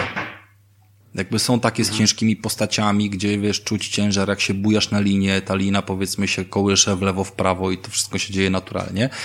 A są takie, że po prostu sobie skaczesz na 5 metrów do góry, jak w Mario i tego typu rzeczy. Był tam jakiś jakiś taki prosty level typu odstresowywacz, że po prostu się strzelało z piłek do ściany y, pudełek kartonów, na których stały te, te, te świnki z y, Angry Birds. Y, proste, krótkie i tak dalej, ale miałeś tam menu, gdzie mogłeś sobie odpalać rzeczy dodatkowe typu właśnie bawić się grawitacją, odpalać ją na trzy poziomy, jakieś tam lżejsze, cięższe piłki i, i to daje trochę mi taki, wiesz, pogląd na to, jak, jak rozbudowane mogą być te, mm, te elementy zmienne, czyli jakby nie ma problemu, żeby zrobić nagle, wiesz, drugi e, etap inny zupełnie niż pierwszy, na przykład pod wodą z inną tam grafiką i, i, i, przede wszystkim fizyką też, nie? A wiesz co, zastanawiam się, czy możesz, e, jak, jak będziesz, e, jak jeszcze odpalisz tych, e, e, tych Dreamsów, żebyś zobaczył, czy są jakieś planszówki na przykład zrobione w tej grze, albo jakieś karcianki zrobione w tej grze. Te- jeszcze, te- te- jeszcze planszówek i karcianek nie znalazłem, ale Właśnie znalazłem jestem na ciekaw, czy da przykład, radę w ogóle zrobić taką mechanikę mm, czegoś. żeby mechanikę tam gdzieś zapisać. No, mniej więcej, no, no, no, tak wiesz. Na, nawet to nie musi być jakaś ciężka. No, no, Jestem na przykład ciekaw, czy na przykład jakiś Chińczyk by był, że rzucasz kośćmi i poruszasz się pionkiem. E, Czy, Wydaje czy mi się, Monopol, że, o, albo wiesz co, wydaje typu- mi się, że nie ma, nie ma z tym problemu. Jakby widziałem gry logiczne, bardzo fajne, które po prostu, wiesz, no jakby jedna do drugiej w ogóle, wiesz, nie przypominała, tak? To nie jest to, że w Little Big Planet, do którego się tam cały czas odnosimy, że yy, wszystko sprowadza się do chodzenia ludzikiem i ewentualnie jakiegoś tam strzelania, tylko po prostu na wiele, wiele mnogich sposobów, wiesz, przerobione są te levele, nie? Tutaj są całkowicie różne rzeczy, tak jak mówię, no jakaś platformówka 2D, która wygląda jakby było wszystko rysowane ołówkiem, nie? Yy, Z drugiej strony powiedzmy jakieś tam skakanie, yy, wiesz, typowo platformowe, z trzeciej strony poruszanie się autem, z czwartej strony mm, poruszasz się w ogóle jakimiś, wiesz, yy, mapą całą, tak? A ludzik stoi w miejscu, czyli taka, wiesz, przerobiona cała mechanika. No, możliwości jest dużo i umówmy się, że po, pogadamy jeszcze sobie o nich, jak trochę więcej ich e, tam powynajduję, odkryję, może powrzucam sobie jakiś zrzut na grupę tego, co ciekawego znalazłem. Ale powiedzmy, że Ej. robi to wrażenie, szczególnie za 150 zeta. E, a powiedz mi, bo tu, tu, jeszcze taki minus się często pojawia, że e, gra powoduje bardzo głośną pracę konsoli. Słyszysz tam dodatkowe obro, obroty twoich wiatraczków, jak odpalasz Dreamsów na przykład? Wiesz co, ja ogólnie słyszę, że konsola troszeczkę y, głośniej chodzi, bo mam ją teraz wrzuconą, wiesz, y, powiedzmy w bardziej zabudowaną przestrzeń. Bo taki sobie kupiłem, wiesz, kawałek regału. Ale i to tak samo jest na VR-ze, tak samo jest na Wiedźminie, nie? Więc jakby to, to nie jest ten poziom, który wiesz, e, nie, nie wyciąga więcej jakby Dreams na pewno niż, niż Wiedźmin czy Beat Saber w VR-ze. Ale yy, wydrukował mi kolega, słuchaj, coś takiego, co można też kupić gdzieś tam na AliExpress, yy, takie cztery nóżki do playki które wkładasz od boku, wpinając je tak trochę w te, wiesz, y, w tą szynę, która jest y, na, na środku jej wysokości i ona stoi centymetr nad ziemią, pomimo, że jest w półce. I to powoduje co najmniej tak o, o jedną trzecią, wiesz, jej lepsze chłodzenie, tym samym, wiesz, cichszą pracę. Czyli po prostu delikatnie podniosłeś sobie konsolę. Yy, tak, ale na takich jakby, wiesz, no, stabilnych y, nóżkach, czyli nie, no że wiem, tam od spodu coś Wiem o co chodzi, że, tylko... że, pod tym masz przestrzeń po prostu, tak? jest cała przestrzeń pod spodem, pokażę, zresztą wrzucę te, te nóżki, jak one wyglądają no, to, po wydruku, to, to bo to jest, gdzieś tam model do ściągnięcia jest 3D gdzieś tam do, do każdy, kto ma dostęp do drukarki może je sobie zamówić i jakby, wiesz, to nic nie kosztuje, nie? A przynajmniej ona e, stoi w miarę stabilnie. Dobra, to Rafale, e, jak wiemy Little Big Planet było też dla dzieci. To, to chyba Dreams nie, nie są dla dzieci i coś e, słyszę. Myślę, że też są, jeżeli chodzi do ogrywania, wiesz? Myślę, że są do ogrywania, bo jakby nie ma problemu, żeby sobie, wiesz, pyk, wchodzisz, wiesz, bierzesz kartun na przykład, czy coś, jakby tych leveli dla dzieci też jest mnóstwo, jakby jest pełen przekrój, nie? Tam jest to oczywiście opcja zgłaszania niepoprawnych treści i tak dalej, i tak dalej, nie? Zaszyta, mhm. ale Myślę, że tu będzie po prostu dużo więcej y, opcji dla dorosłego gracza, pomimo, że na platformówki na pewno rządzą na chwilę obecną, bo najłatwiej jest zrobić jakąś tam platformówkę z wykorzystaniem, wiesz, słodkiej, kolorowej grafiki pastelowej, nie? Tylko, no, przypominam, jednak wracamy do początku. FPS, y, PT, jakieś tam zwiedzanie Marsa w bardzo takim klimacie przykrym i smutnym poczuciu samotności, nie wiem, no, jakby wszystkie elementy y, wskazują na to, że, że jak najbardziej dla dorosłego gracza można tutaj przygotować coś więcej. Mhm. E, ja jeszcze, jeszcze mam do Ciebie ostatnie pytanie. Myślisz, że e, będzie tak, że na przykład jedna osoba zrobi przykładowo, nie wiem, e, Fallouta i druga osoba, zrobi praktycznie jeden do jednego Fallouta i jedna będzie miała na przykład lepszą, lepszą grafikę w swojej grze. jest możliwe, że na przykład niektóre postacie będą, jeżeli bardziej się, nie wiem, skupisz, dłużej będziesz robić, czy coś e, dopieścisz, to możesz mieć lepszą grafikę niż inni? Bo można coś robić z tymi teksturami? Bardziej je... A, na pewno, nie wiesz, bo na sumie... pewno, na pewno. E... Na pewno można to robić na różne sposoby, bo widziałem już pod kątem e, tych, co popularnie można się spodziewać, wiesz, tam Crasha, Metal Gear i tak dalej, jakie tam były, powiedzmy, wiesz, e, stworzone modele, a jeżeli pytasz o Fallouta, to również jest już jakiś tam e, szkielet silnika w Fallouta zrobiony. E, chodzi się co prawda, jakby zaczyna się od tego, że masz e, pokaz graficzny, że kamera najeżdża tak jakby na warsztat, w którym stoi ten, e, ten kostium, jak on się tam nazywa. No ten no, taki mech, mech, nie? No, no, me, a, najazd jest taki graficzny. Potem wiesz, jest, no. Potem jest informacja, że to jest oczywiście tam, wiesz, jakiś tam beta, alfa czy coś, nie? I, Power i potem, Armor. Power, Power Armor, no i potem sobie wchodzisz na taką planszę typowo y, już, już y, treningową, gdzie, gdzie nie ma tekstur, tylko jakieś tam kratki i pokazana jest, wiesz, z FPP, z, z grafiką z oczu mm, możliwość jakiegoś tam chwytania przedmiotów, y, poruszania się, y, przeładowywania broni, oglądania broni.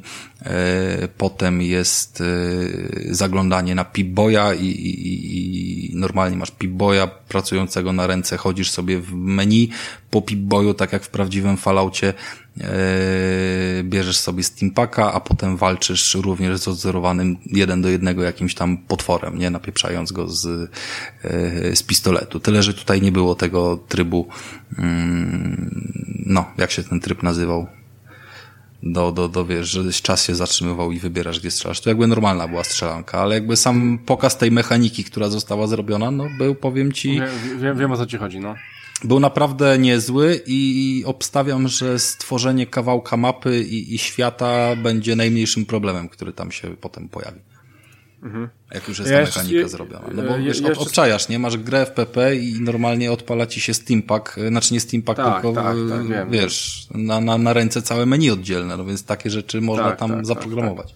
E, ja jeszcze sobie pomyślałem, bo powiedziałeś o tych e, prawach autorskich, ja bym sobie pomyślał o prawa autorskie w drugą stronę, że ja coś stworzyłem tam i czy ktoś po prostu może sobie, wiesz, kopię wkleić. A nie wiem, trzeba by poczytać w regulaminie, kto ma prawa do tego, no. tego tworu. No. Jakby podejrzewam, no, że twórcy Dreams tak, pe pewnie po prostu bawisz się i tyle i nie możesz, wiesz, jak coś zrobisz zajebistego, jakąś zajebistą grę z czymś i nie wiem, chcesz ją wydać albo coś, to nie...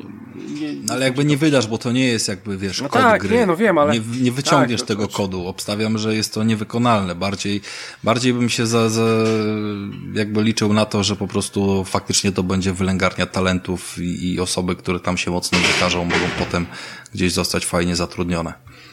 No tak. E, no, no to, to można powiedzieć, że to chyba taki jest mały wstęp do po prostu w ogóle tworzenia gier na różnych tych silnikach. Tylko, że tu masz e, po prostu e, bardziej przystępny kreator do tego. No jest bardzo przystępny, to, to nie da się ukryć, że wiesz, widziałem te filmiki i robiło to wrażenie. Zresztą no, czas po jakim zobaczyłem te fajne twory, pomimo, że oczywiście gra była we wczesnym dostępie i tam mm, pewnie część z tych rzeczy jest przeniesione, wiesz, po prostu do, z osób, które z bety wyszły, nie? Które mhm. były zapisane i tak dalej, ale jakby no, no wciąż robi wrażenie po prostu. No. No tak. Co tu dużo no, mówić. Więc... Wrócimy na pewno do tematu, Krystian, nie tak, ma co. Tak, więc e, słuchajcie, jeżeli chcecie spełnić swoje marzenia, no to możecie już to zrobić i sami stworzyć sobie grę. E, więc Dreams e, to tyle, jeśli Koniec chodzi Koniec narzekania, krótko mówiąc. Jak was coś wkurwia, to se ściągnij sam se zrób. O, do, do, a, no, tak, tak, dokładnie tak. To było dobre. E, okay, więc słuchajcie, koniec, koniec e, e, z tym. Koniec ze wszystkim i koniec z odcinkiem. Słuchajcie, 153 odcinek dobiega końca, więc e, e, standardowo e, Wojtek był u nas, e, więc e, dziękujemy Ci Wojtku i standardowo słuchajcie, wchodźcie na nerdomasera.pl, Wojtek wrzuca ciekawe rzeczy, właśnie stamtąd dowiedziałem się, że e, obejrzał sobie Harley Quinn i fajne rzeczy tam o niej pisze, więc wchodźcie sobie. E, słuchajcie, poza tym e, wchodźcie sobie na e, bezimienny.pl, tam zamieszczamy odcinki, jesteśmy na Spotify, tam też mamy odcinki, jesteśmy na YouTubie, tam też są odcinki. Ostatnio nie było, bo YouTube mnie zablokował. Ja chyba wjebałem muzykę z Death Stranding i chyba to, tym razem to nie przeszło. No cóż. czasami się udaje, czasami nie.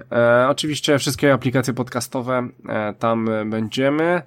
E, oczywiście Facebook i grupa facebookowa, wchodźcie na fan, fanpage, e, jest wszystko fajnie, na grupę coraz więcej osób, ostatnio zaprosiłem parę osób. E, więc e, tak, tam staram się rzucać jakieś ciekawe rzeczy e, i i słuchajcie, no i oczywiście radio, radio standardowo Black Widow Radio, ostatnio nawet nas tam e, polubili i coś nam o nas powiedzieli, więc było nam miło, fajnie. Więc Black Widow Radio, słuchajcie, radia internetowego naprawdę jest zajebiste. E, dobra, więc myślę, że to tyle. 153 odcinek może dobiec końca, więc e, ze mną e, standardowy Rafał Radomyski. Dzięki wielkie, cześć. Był z nami Wojtek Kocjan. Dzięki, trzymajcie się, cześć. No i był za pierwszym mikrofonem Christian Kender. A my standardowo słyszymy się za dwa tygodnie, więc trzymajcie się, drodzy słuchacze. Do usłyszenia. Siema.